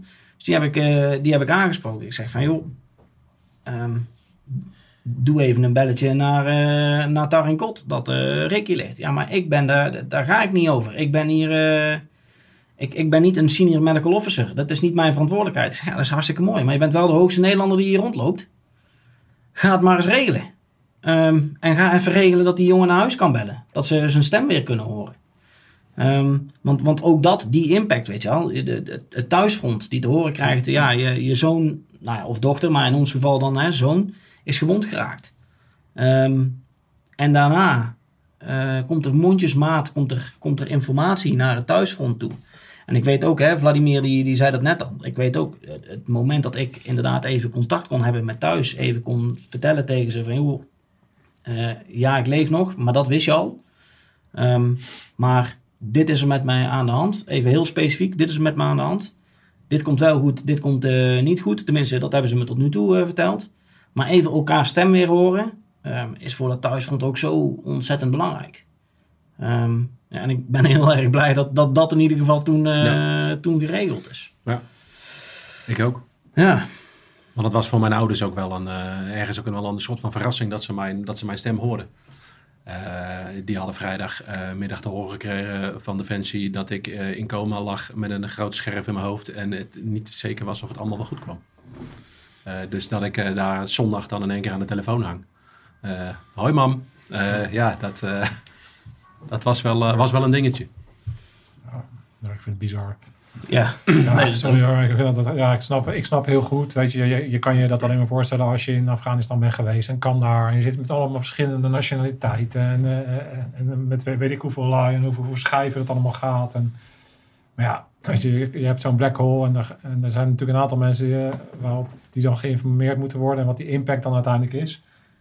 Ja, dan zijn dit natuurlijk dingen die natuurlijk never nooit niet nog een keer zouden moeten gebeuren op deze manier. Je, je moet gewoon zoveel ik wil ook gezegd hebben dat iedereen die daar mee te maken heeft gehad, natuurlijk zijn stinkende best heeft gedaan. Dat weet ik ook. ja. Dus het is, ik, weet je, ik wil niet nu mensen een kutgevoel geven of van weet ik veel, maar het, maar het is natuurlijk bizar. Ja. Dat, dat, dat, dat, dat, jou- dat jouw familie in die, in die dagen dan zo eh, ja, in die onrust heeft eh, moeten. Nou ja, je, haalde net al aan, hè. wij waren de eerste die, die in, in zo'n zo'n aantal tegelijkertijd eh, gewond eh, raakten. Ik, eh, wat, wat wij gezien hebben, ehm, is dat het ook echt wel een wake-up call is geweest eh, op dat moment ehm, voor het bedrijfsmaatschappelijk werk, voor de opvang in, in Utrecht. Ehm, en wat ik, wat ik weet van de, van, van de gasten die na ons ook gewond eh, zijn geraakt. En, en nou ja, Rick, je hebt er heel veel eh, contact mee eh, nog steeds. Ehm, dat, dat dit soort dingen echt wel verbeterd is. Dus Ja, gelukkig is er echt wel geleerd. Ja. Ehm, we zijn tegen een aantal dingen aangelopen. Is daarna alles vlekkeloos gegaan? Nee, want iedere case is ook weer uniek. Ehm, maar er is, wel, er is gelukkig wel veel geleerd. Ik vraag me alleen af of dat die lessen die toen geleerd zijn, ook nu, nu al een aantal jaren niet meer in deze situatie eh, zitten, of in, in, in zo'n Afghanistan-missie, of dat we die nog steeds klemvast hebben. Ja, dat durf ik niks over te zeggen. Nou goed, we zijn, we zijn er verder wel nog, eh, nog mee bezig om dat eh, ook in kaart te brengen. Maar ehm, ja, kijk, het punt is, bij, bij de gevechtseenheden heb je gewoon heel duidelijk train as fight. Ja, hoe doe je dat bij dat soort eenheden? Dat is natuurlijk lastig. En eh, ik denk, ja, je hebt een piek gehad. En toen stond iedereen op scherp. Eh, Ehm, maar die piek gaat er nu weer af. We hebben nu al een tijd eh, even geen, geen uitzendingen op dat soort, eh, op die schaal eh, gehad. En dan, dan is het natuurlijk lastig om je organisatie zo in te richten op iets wat je niet weet of dat wel of niet komen gaat. Eh, wellicht dat Oekraïne daar natuurlijk wel een, eh, een, eh, een verschil in gaat maken. Maar we moeten, eh, ja, denk ik, eh, met z'n allen eh, gewoon wel eh, scherp op blijven. Dat, dat we dat blijven, blijven verbeteren. Ook case-coördinatie, maar ook de hele medische keten, dat we daar scherp op zijn. Ehm, want, en zeker de mentaal-medische keten, ja, dat zie je natuurlijk nu komen. 15 jaar na dato, de meest fysiek gewonden hebben min of meer een status quo bereikt. Dat je merkt van, oké, dit is het, hier kan ik mee leven. Uitzonderingen dagen later, er zijn nog wel eens eh, jongens die eh, uiteindelijk bijvoorbeeld een, eh, een been toch uiteindelijk hebben besloten na 10, 15 jaar te amputeren, omdat dat beter voor ze is, in ieder geval voor hun herstel. Maar nu komt met name de piek mentale gewonden. En daar moeten we wel echt zeker op voorbereid zijn. Ja, absoluut. Ja, We kijken alleen maar mij aan. Ja. ik weet niet. Nee. Nou, nou, ik- Ja, jij bent een ik- koekoek, jongen. Nou ja, kijk, je hebt het dus over de... Kijk, fysiek, hè. Dus eh, bij jou is het natuurlijk het meest zichtbaar. Dus je, jij, bent, jij, bent uiteindelijk je oog eh, Ja. verloren. En eh, je- Hm. iedereen heeft natuurlijk zo eh, zijn lichamelijke dingen. Maar hoe, hoe, gaat het, hoe gaat het dan met jullie? Want ik kan me voorstellen dat na al die dingen die er dan gebeurd zijn... in die mode waarin je in komt... kom je dan in een zwart gat en, en, en kun je iets wat delen over wat jullie... hoe jullie dat met elkaar hebben gedeeld... en hoe je, dat, hoe je daar zelf dat is natuurlijk 15 jaar geleden. En je komt net uit Afghanistan, dan heb je al die medische dingen. Maar er komt natuurlijk een moment dat je realiseert van... ik kan niet meer doen wat ik deed. En wat ik misschien heel erg graag deed als militair zijn. Ik moet een transitie gaan maken. Kunnen jullie daar eens wat over delen? Ja, die werd bij mij al wel heel vlot duidelijk eh, toen ik eh, te horen kreeg dat ik niet naar Bagram hoefde, omdat, het, eh, omdat er niks meer aan te behalen was. En toen werd ik daar in een kamertje gelegd eh, en toen dacht ik wel ja, oké, nou, dat, dat, dat was mijn, dit, dit was mijn dienstcarrière. Eh, ik, ik wist natuurlijk al vanaf dat moment dat ik dienstongeschikt zou raken. En dat was wel even een zware domper. Aan de andere kant wel beseffen dat we het op die dag, voor zover ik de informatie had, wel allemaal hadden hadden overleefd. En, en daar dan wel weer heel dankbaar voor. Dus het was een heel dubbel, dubbel, dubbel, dubbel gevoel die dag. Eh, maar ja, dan kom je thuis. eh, eh, dan, kom je, dan ga je die hele medische molen in. Dan krijg je inderdaad de, de uitslag dienstongeschikt. Ja, en dan? Gaat maar verzinnen. En ik heb daar waanzinnig van de, van de eenheid de, destijds, die hebben er maar waanzinnig in begeleid. Daar kan ik echt geen, geen, geen slecht woord. dat, dat, dat is waanzinnig geweest. Eh, toenmalig commandant, eh supergoed. Ehm, ja, je moet wel de dienst verlaten. En dat, is, dat was gewoon uiterst pijnlijk. Want dat was bij lange na niet hetgene wat ik wilde. Dus eh, ja, Eh, dan maar een uh, naar de burgermaatschappij. Want ik kreeg, ehm, ik heb een gesprek gehad. En ik kreeg de, de, de, de optie of een, of een ja, kantoorbaan, administratieve functie binnen Defensie. Alleen net die periode, al die reorganisaties en het was eigenlijk allemaal niet zeker of ik kon blijven. Eh, of ik, eh, ik kom gewoon omscholen. Ja, ik, eh, ik, ik was verdrietig, ik was boos. Ik, ik heb toen ook echt de deur bij Defensie dichtgegooid. Want ik ben uiteindelijk niet degene geweest die, die, die heeft besloten om dat pak uit te trekken. Die keuze heeft iemand anders voor me gemaakt. En dat begon natuurlijk al op de dag van de aanslag. En ik heb dus de deur bij Defensie dichtgegooid en ik ben gaan omscholen. Tot timmerman. Dan maar dat. Maar ja, is niet, niet hetgene wat, me, wat, wat, wat ik diep van binnen wilde natuurlijk. En eh, hun nog wel regelmatig nog wel eens blijven zien. En, eh, maar verder, dat was de enige, enige wat contact nog met Defensie wat er was. En gewoon met doorgedenderd. Jarenlang. Ja. Hoe, hoe, is, hoe, is dat dan? Eh, kan je dan nog een soort van geluk vinden? Ben je er altijd ben je er elke dag weer mee bezig? Of hoe, Met Defensie? ja, gewoon met, met, met, met, met, met gebeurt. Je wordt natuurlijk daarmee continu mee Ja. geconfronteerd in alles wat je doet. Maar hoe, eh, hoe, hoe, hoe is dat dan in, in jouw bestaan? Eh, op dit moment niet zo, eh, niet zo best. Eh, ik heb altijd, ben alleen maar doorgegaan en doorgegaan en doorgestompt.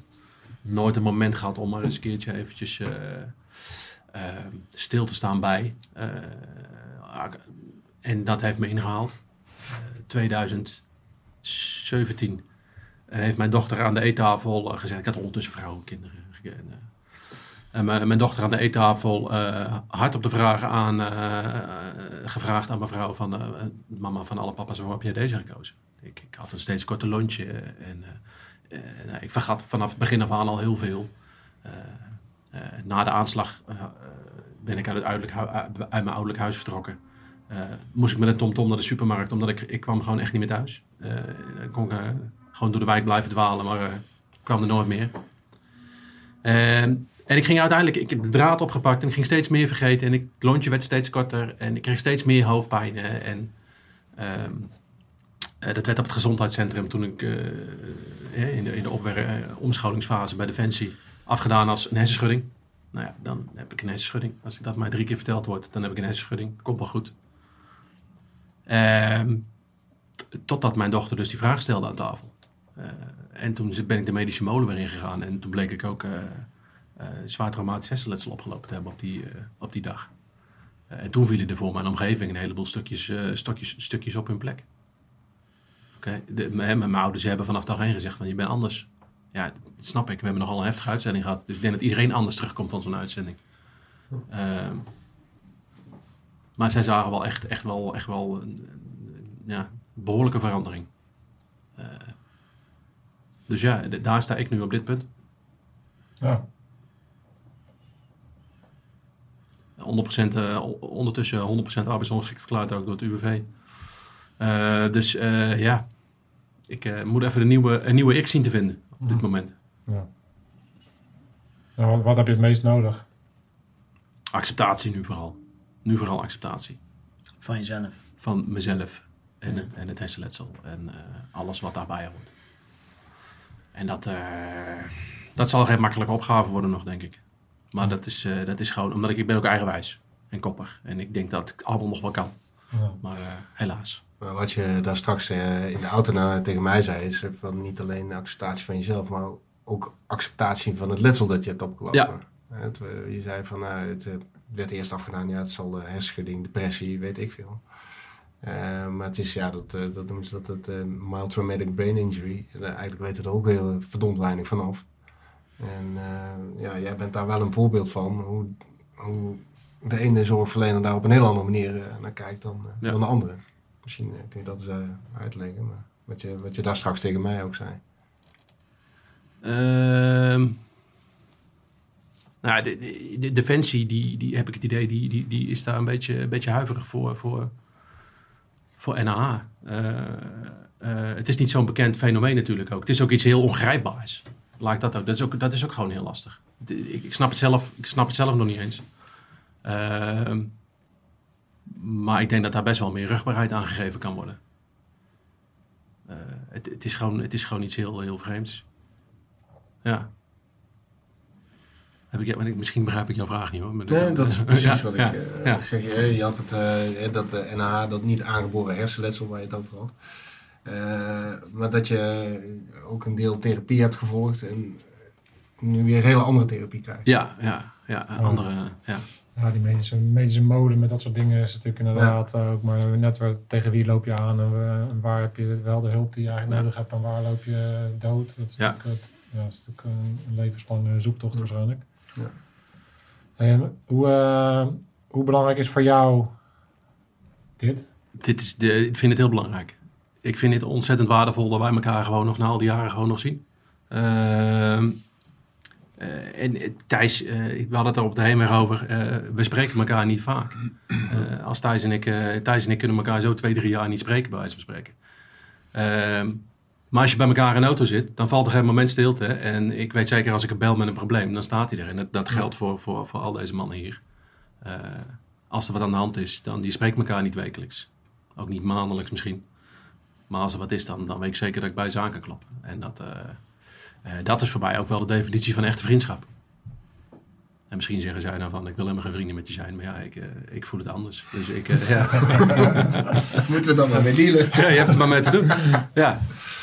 Eh, En dat is gewoon top. En ik vind het waardevol dat we gewoon, dat we gewoon die tijd en, en energie in elkaar willen steken na al die jaren. Ondanks dat iedereen zijn eigen gezinnetje heeft ge- ge- ge- gestart. Zijn, zijn, zijn, eigen, hè, zijn eigen looppad, drukke baan, verhuizen naar het buitenland. dat we gewoon de moeite nog nemen om elkaar gewoon nog op te zoeken. En in de ogen durven te kijken van, hé, hoe is het nou met je? Eh, en gewoon ook, ehm, eh, ook niet bang zijn om elkaar gewoon het raak te steken. Mooi. En dat, is- dat, is, dat is mooi. Ja, de- de- een mooi voorbeeld is inderdaad hoe wij destijds weer bij de Mudmasters zijn gekomen. eh, met, met jou erbij. Ja. dat je Kato, ik, ik en eh, Rick en ook eh, op een gegeven moment... eh, hey, gaan, we, gaan we eens een keer een hapje eten of zo. En eh, toen zat je nog niet helemaal in de, in de defensiemolen. Eh, en eigenlijk ook niet heel veel contact met, eh, met gewonden. En eh, dat is uiteindelijk... ja, de Mudmasters is natuurlijk van, vanuit jouw collega's... Ja. En, opgestart. Ja, precies. En zijn we toen met een clubje van Doren, zijn we met, met de gewonden en al met... Ook met Rob zeker dan. ja, ja, ja. eh, gewoon, maakt niet uit, een rolstoel, ook over die hindernissen, geen gelul. En ehm, daar had ik eh, al een keer meegedaan. Toen zei ik tegen Rick van, "Eh, moet je daar eens gewoon een keer mee meegaan. Dan, eh, dan heb je weer matties die deels hetzelfde hebben meegemaakt als jij. En eh is, gewoon lachen. Gewoon, gewoon doen, weet je. Het maakt, maakt helemaal niet uit wat je hebt. Of je nou je oog mist of je been mist. Of, en, en het is precies net als Rob. gewoon, gewoon lekker rammen weer met z'n allen. Ja, en dat... ja, ik denk dat dat voor jou toen ook destijds wel... dacht van ja, Ja, toen is dat deurtje wat ik dichtgegooid had weer open, eh, Ja. op een kier gaan staan. En ik ben daar thuis heel dankbaar voor, want zo ben ik ook uiteindelijk bij de Invictus Games gekomen. Daar heb ik er twee edities mee mogen doen. En ik heb gewoon, doordat dat deurtje op een kiertje weer is gezet, heb ik daar gewoon onwijs mooie vriendschap ook weer aan overgehouden. En, en, en, en nou ja, ervaringen, ervaringen mogen opdoen. En eh, eh, ja, Ja. dat is dan toch wel weer mooi dat dat dan, dat dan zo weer, dan is het cirkeltje weer rond eigenlijk. Ja, ja de, nou, de, de, de reactie is natuurlijk heel begrijpelijk. Hè? Dat je op een gegeven moment het deurtje dichtgooit en het is ook een soort coping. Dan, dan, Ja. dan laat je het achter en dan uh, dat moet ook gewoon, dan moet je daar doorheen. Maar ja, weet je, dat, dat, dat is alles wat ik, wat ik hier niet ook Mm. bij voel. Ja, het, het gaat nooit meer. Het, het, heeft je gevormd, het heeft je gevormd, je hebt daar je ding gedaan, eh, het heeft je veranderd. Eh, dit is nu hoe het is. En eh, ja, maak, maar probeer er dan toch inderdaad eh, met elkaar zoveel mogelijk eh, te ondersteunen. En, en dan ja, te dealen met, eh, met de dingen die je nu, nu hebt. En, en dan ook weer inderdaad die mooie momenten met elkaar op te zoeken. En, ja, je, ja, je bent in, in hart en nieren ben je gewoon nog steeds die militair. Dat voel ik ook Ja, in alles hoe je presenteert en hoe je praat en zo. Dus ja, probeer het ook gewoon een beetje te omarmen nog in die zin. denk ik dat het wel, wel, goed voor je kan zijn. Ja, dat denk ik ook. Ja. Brengt je ook ver, die mentaliteit. Hè? Ja. Niet altijd. Nee, niet altijd. Soms werkt het averechts. Ja. Maar ja, dat, eh, dat, dat eh, zullen we allemaal werken. En hoe is het met jou? Bij mij? Ja. Ja, bij mij gaat het eigenlijk eh, ja, gaat het heel goed eigenlijk. Eh, na de uitzending ehm, ehm, heb ik wel een anderhalf jaar denk ik moeten revalideren. Natuurlijk, eh, denk wekelijks, eh, aan het begin wekelijks op en neer naar het CMH eh, moeten. Uh, plastisch chirurg, eh, anderhalf jaar eh, behandelingen gehad. Om eh, zo goed mogelijk te revalideren.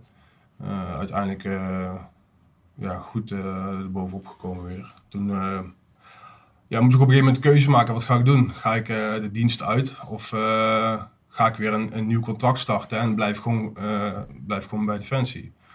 Nou, aan het begin, toen het net gebeurde, toen had ik echt zoiets van, nou, dit wil ik dus nooit meer meemaken. Dit. Ik- hierna ga ik eruit.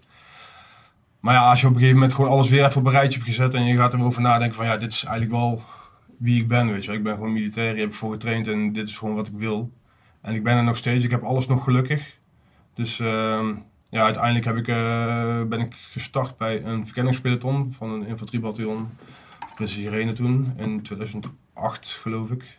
Eh, ook weer op uitzending geweest naar Afghanistan in 2009. Eh, Ook weer heftig. dus eh, ook weer heftig, ja. Ja, inderdaad. Ook wel weer eh, wat dingen meegemaakt, inderdaad. Ehm, gelukkig zijn wij als club wel met z'n allen weer gewoon teruggekomen. En dat heeft voor mij eigenlijk wel ook wel een beetje... is wel belangrijk geweest in het verwerken van zeg maar, mijn eerste uitzending. Mijn eerste uitzending heb ik natuurlijk abrupt afscheid moeten nemen van, van de club. Heb ik naar mijn mening zeg maar niet het af kunnen maken. Eh, dus dat was ook een beetje de reden van ik wil nog wel bij Defensie blijven. Ik wil gewoon nog, nog een uitzending draaien en gewoon het afmaken. Eh, gewoon, weet je wel, het gewoon helemaal meemaken. Ja, dat is uiteindelijk gelukt. En eh, ja, daarna geen uitzendingen meer gedraaid, dat niet. Tot, toch nog wel blijven hangen tot 2016 bij Defensie. Tot ik uiteindelijk kinderen kreeg. En eh, toen dacht ik van, nou, dit wil ik niet meer. Ik wil, niet meer. ik wil gewoon lekker elke dag thuis zijn, zeg maar. En eh, dat was gewoon voor mij heel belangrijk op dat moment. Ja. Dus in 2016 heb ik besloten om eh, in ieder geval de landmacht te verlaten.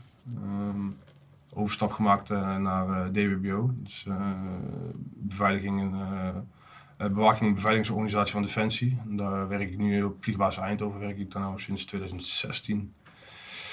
Dus eh het is even een hele, hele switch natuurlijk. Een heel, heel ander wereldje natuurlijk. Het was even wennen aan het begin. Maar eh, ja, ik ben elke dag thuis en dat is voor mij eh, op dit moment eh, het allerbelangrijkste. Ik heb inmiddels eh, een gezin met twee kinderen. Dus eh, ik heb het hartstikke druk thuis. Ja, is wel leuk. Ja, fijn dat ik gewoon elke dag thuis kan zijn. Maar Op een andere manier rammen is dat. hè? Ja, Twee precies. Ja, ja, ja. ja, nu ga ik naar mijn werk toe zeg maar om tot rust te komen. En dan, als ik dan thuis kom, dan moet ik echt aan het werk, zeg maar. Dus eh, ja. Ja. ja. Ja, dus dat is een beetje... eh, ja, maar voor de rest, eh, psychisch, bij mij gaat het eigenlijk gewoon... Ik heb het eigenlijk best wel snel een, een plekje kunnen geven, gelukkig. Eh, dus ja, ik, Ja, eh, mooi. ja, ik heb, dat hoofdstuk heb ik eigenlijk al een beetje afgesloten, al, al langere tijd. Ja. Ja. Ja, mooi.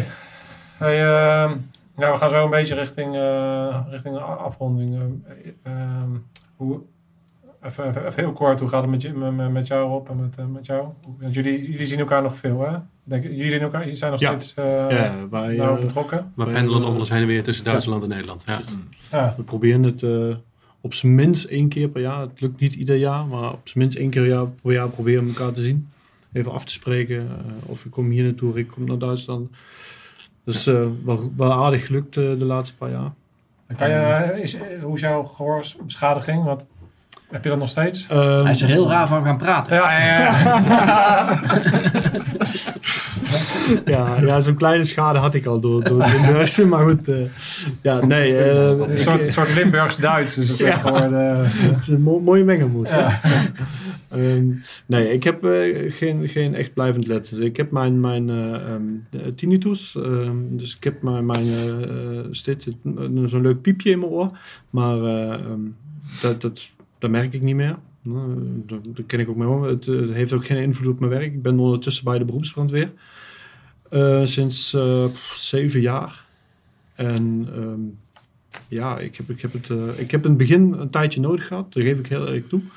Maar ik heb het ondertussen een plekje kunnen geven. Ik heb de eerste twee, drie jaar na de uitzending heb ik zo een beetje de, de clichés eh, die, die je uit de films kent van de veteranen wel eens een beetje bediend.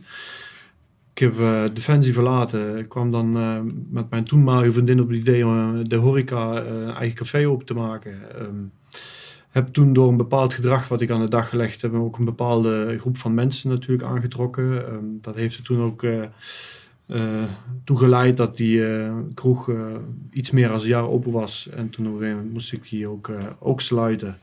Ehm, had een ontzettend kort loontje. Was, van, ja, was eigenlijk altijd wel een handje de voorste als het een beetje om het vechten ging. Of, wel- maar, maar drinken, de daar ben ik altijd vanaf kunnen blijven. Dat was wel het goede. Ik kwam toen op een gegeven moment eh, ook tot, eh, tot eh, het verlaten van mijn vriendin.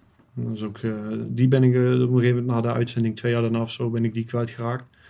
Ehm ben toen op een gegeven moment wel aan mijn huidige vriendin gekomen. En ehm, dat was, ik zeg gewoon maar, de, de redding. Die begeleidt mij sindsdien tot vandaag. En die heeft mij ontzettend erbij geholpen als een, eh, hele goede plek te geven. Die heeft heel veel begrip vanaf het begin af aan gehad. En ehm, ja, geholpen daarheen te komen waar ik nou ben.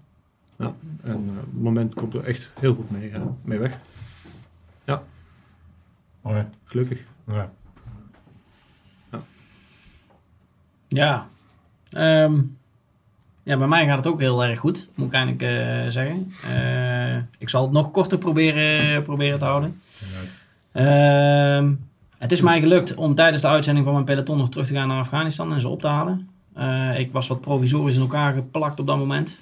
Maar heb uiteindelijk van Peter van Hum, de toenmalige commandant landstrijdkrachten, de, de toestemming gehad om de maten op te gaan halen. Dat heeft voor mij voor heel veel closure gezorgd. Ehm, daarna een revalidatieproces gestart, wat in totaal drie jaar geduurd heeft. Ehm, Maar waar ik ondertussen wel in 2008 weer opnieuw met Luchtmobiel eh, op uitzending ben geweest, naar Chora. Ehm, ik heb ook uiteindelijk eh, in 2009 mijn rode beret eh, kunnen halen. En eigenlijk gewoon mijn, mijn carrière binnen Defensie eh, voor te kunnen zetten.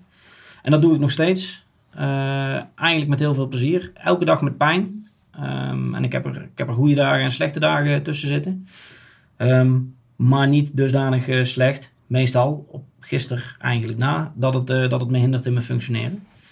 Ehm, du- dus ja, voor mij is het eigenlijk een heel, eh, heel positief verhaal. En de, ik, ik ben in staat om de ervaringen die we hebben opgedaan samen ook, ook te gebruiken in, in mijn dagelijks werk.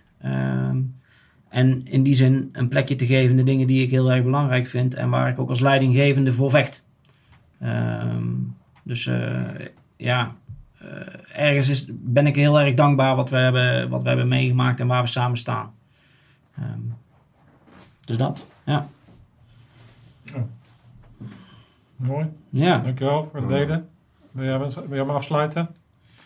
Nee, ja, goed. Met, eh, wat, je, wat ik al een beetje liet doorschemeren. Ik, eh, ik ben de medische wereld eh, ingegaan.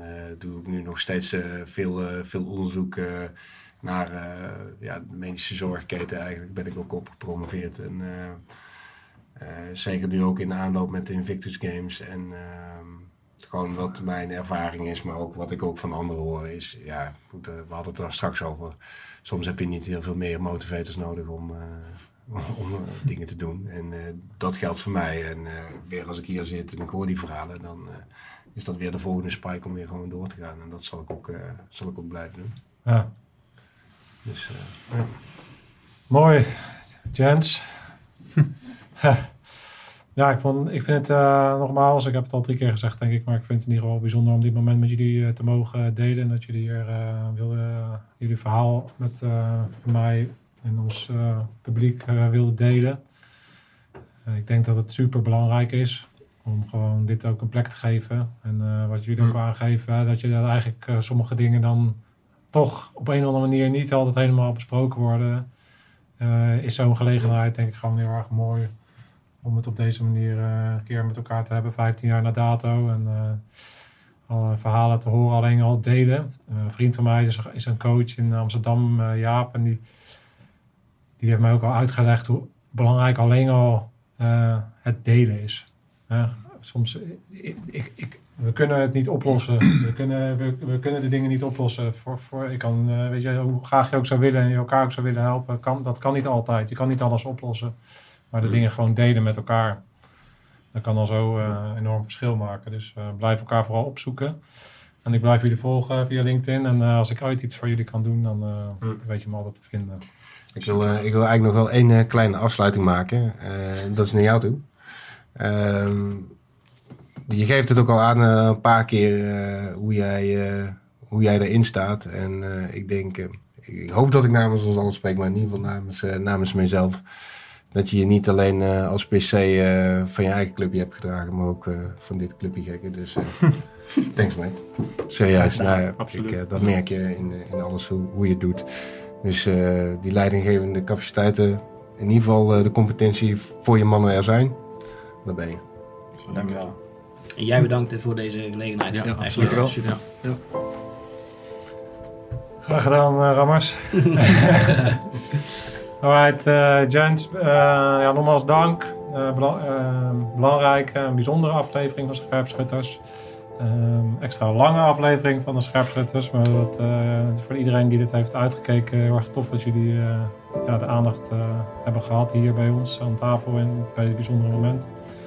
En ja, dat was hem. Dankjewel. Scherpschutters. Uit.